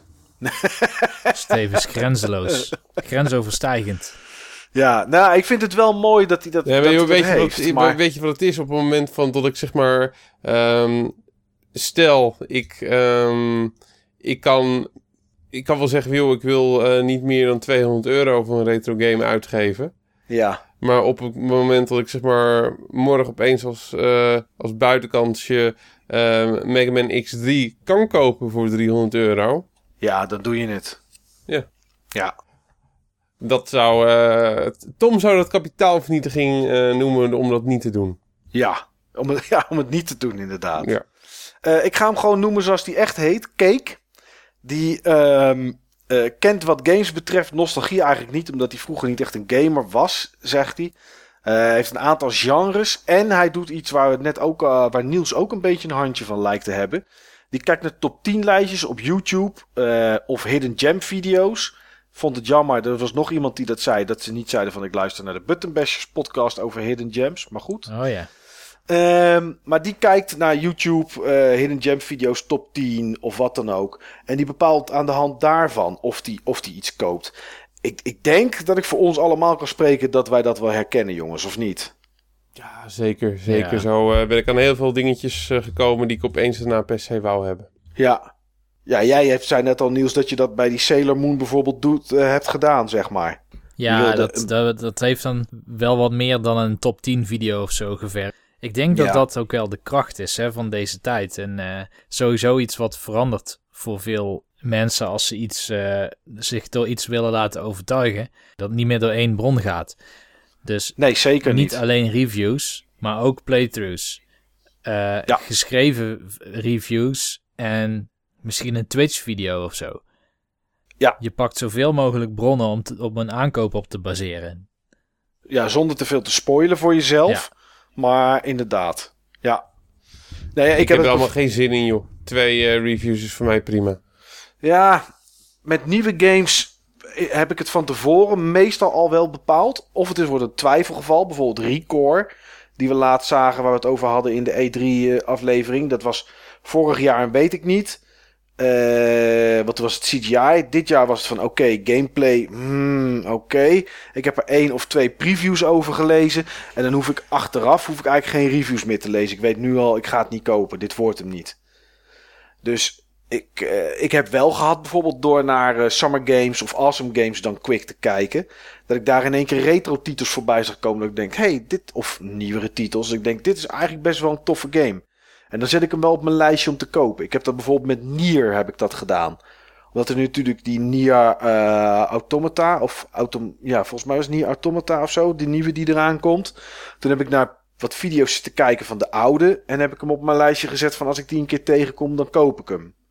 Dus ik denk dat we inderdaad dat, eh, dat allemaal eh, wel herkennen. Er zijn twee games waarnaar ik altijd loop te kijken. Zeg maar, als ik zeg maar, ergens Xbox 360 eh, games zie of, eh, of Wii games. Ja? Ik kijk altijd of er toevallig Nier tussen zit. Of, ehm, of die Wii Fire Emblem. Oké. Oh, je zegt. hoop ik altijd één. eh, die hoop ik allebei al eens een keer op die manier te vinden. Oké, ook Nier. Dat is wel grappig. Nou, als ik, maar jij wil hem voor de 360 dan, hè, Steve? Als ik hem tegenkom. Oké, Ja. nou, dat is goed. Ehm Cake heeft ook een stelregel. Tweedehands mag niet meer kosten dan de nieuwprijs wat die game ooit een keer was. Nou, oké. Is, een aardige, is een aardige regel. Voor heel veel games zou dat moeten lukken. Maar goed, hè, we, we kennen genoeg titels waarbij dat niet, eh, niet lukt. Eh, geeft meestal tussen de 10 en 25 euro per stuk uit voor een game. Soms wat meer, maar dat is dan wel een uitzondering. Ehm, Dennis, dit is iemand die volgens mij eh, op impuls koopt eh, of op de hype. Koopt, eh, koopt nieuwe games, maar heeft er eigenlijk toch altijd spijt van. Omdat hij ze niet speelt of heel veel later. Dus had hij ze eigenlijk niet op dag 1 hoeven te kopen.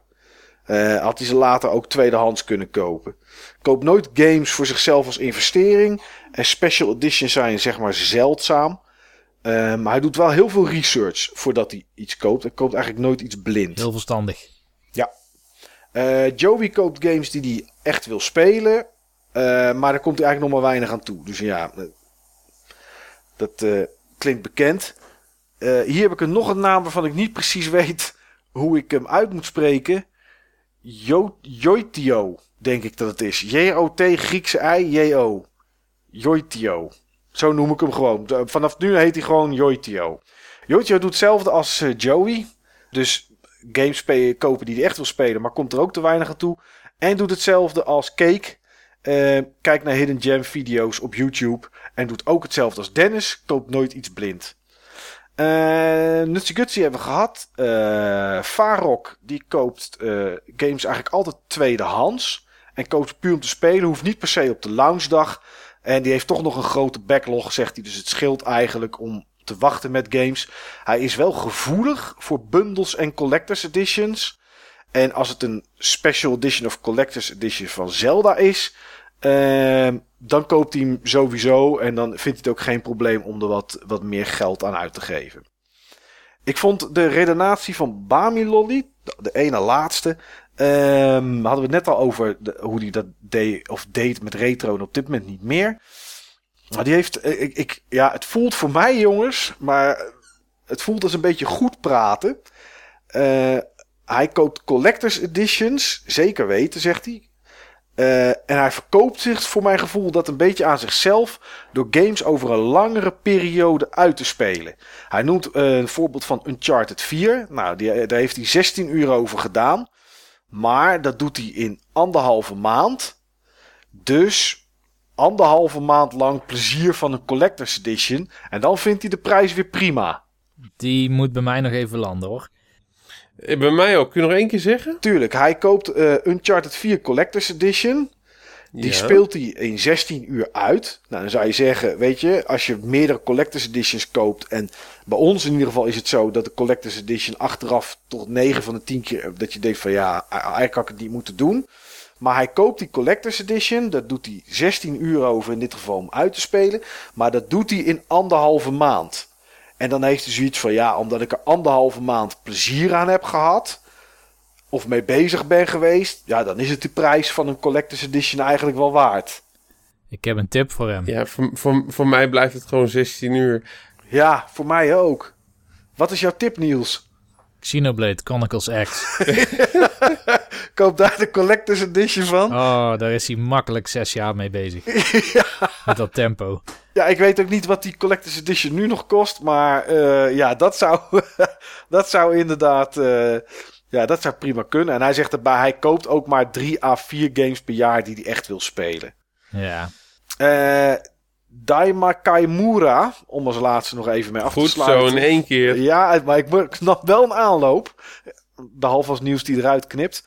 Um, die, uh, ja, die, die, wat ik zei, retro ligt stil. Maar hij heeft vroeger wel heel veel gekocht. Heel obsessief en heel impulsief. En ging zelfs volgens zijn eigen uh, zeggen richting koopverslaafdheid. Uh, is dus gestopt met retro. Koopt wel nieuw nog voor Steam op de PC. Uh, koopt de games die hij direct wil spelen, maar beperkt zich tot één game per maand. Uh, kan ook zijn dat hij maandenlang niet gamet en dan koopt hij ook niks. Dus ja, die uh, leeft een beetje in het moment. En, maar in verband met de koopverslaving waar, waar hij op af leek te stevenen, heeft hij waarschijnlijk toch zoiets van: ja, weet je, ik beperk me tot één game per maand. En, uh, en dan is het prima. Nou ja, dat is iets wat wij denk ik, nou weet ik zeker niet hebben. Als er een game uitkomt die we willen hebben, kopen we hem. En komt er twee maanden niks uit, ja, dan kopen we twee maanden niks. Prima. Zo gaat het denk ik een beetje. Maar ik denk wel dat hij voor zichzelf wat dat betreft een hele verstandige keuze heeft gemaakt. Ook zeker Steam, weten. Steam is denk ik prijstechnisch verstandig. Ja. Als je je niet laat verleiden tot al die sales elke keer. Ja, dat is natuurlijk. Onlangs was de summer sale en, uh, en straks de winter sale. En je hebt in de herfst ook nog wel en, en in de lente. Ja, dat is. En dan heb je nog de Humble Bundles. Dan heb je nog uh, GOG, GOG, die, die sales doet. Uh, elke week zijn er wel aanbiedingen op Steam. Het is, als je inderdaad een beetje koopgevoelig bent, is Steam wel, is, is wel narrig hoor. Dus, dan wel, inderdaad. Ja, dus ik denk inderdaad dat hij er goed aan, uh, aan doet, zoals je zegt, uh, Niels. Om zich gewoon te beperken tot ik koop één game per maand. En dat is dan ook een game die ik echt wil spelen. En die ga ik dan een maand lang spelen, denk ik. Ik denk dat hij het zo Focus. doet. Ja. Focus is altijd goed. Ja, dus uh, ja, mooi. ja, klinkt wel iets als ik wat, misschien, wat ik misschien zelf nog wel eens zou kunnen doen. Gewoon één game per maand en alleen die game spelen. Alleen mijn backlog is dan weer te groot. Hm. Ik uh, denk dat we langer hierover gepraat hebben, jongens, dan ik van tevoren dacht. Ik heb hetzelfde. Ik, ik zie kijk de, naar de teller. Ik zie de podcast-teller ongeëdit op 2 uur en 52 minuten staan. En dat is best fors. Dat is een lange aflevering geworden. Ja, ik wil vooral uh, ja, onszelf bedanken, want het, ik vond het super gezellig en, uh, en we hebben leuke gesprekken gehad, jongens. Ik hoop dat mensen met plezier naar luisteren. Maar uh, ja, ook alle mensen op het forum die input hebben geleverd voor deze aflevering. Ik, ik hoop dat we niemand zijn vergeten en dat ik Nutsy Gutsy niet, niet op zijn op teen heb getrapt door hem een warrig persoon te noemen. Al begreep Steven wel, dus wat dat betreft viel het dan ook wel mee met warrig. ja, of Steven is ook heel warrig. Dat zou ook kunnen, maar dat wilde ik niet zeggen. Ik ben, uh, gewoon, dat... heel, ik ben gewoon heel open-minded en vlot van begrip. Nou, oh. dat uh, moet Karen nog maar even goed vinden. Ja, inderdaad, ja. Ja, daar hebben we Karen hebben we daarvoor. Uh, ja, iedereen bedankt voor het luisteren. Wij gaan op naar aflevering 65. Die zou ge- kunnen gaan over de Commodore 65, want die is er wel geweest. Um, maar dat een was Commodore gewoon... 65? Ja, dat was een Commodore 64, maar dan met een, uh, met een nieuwe kap eromheen. Volgens mij was dat echt het enige verschil, ondanks dat ze bij de Commodore 64 dat ook een keer gedaan hebben. Of er was iets met een, uh, uh, met een, met een disk drive die er, dan, die er dan extra bij zat. Ik weet het niet precies meer. Ja, met een disk drive erin. Dat was het. Dat was de Commodore 64, maar dan met een 3,5 inch floppy disk erin. Nou, daar gaan we het dus niet over hebben, maar hij bestaat wel. Zoek hem op mensen. Google, hij gaat, je, hij gaat hem je laten vinden. Mocht je ons willen vinden, kan je ons vinden op www.button-bessers.nl. En eh, ja, ik zwaai af samen met Niels en met Steve door naar eh, de volgende aflevering. Bedankt voor het luisteren.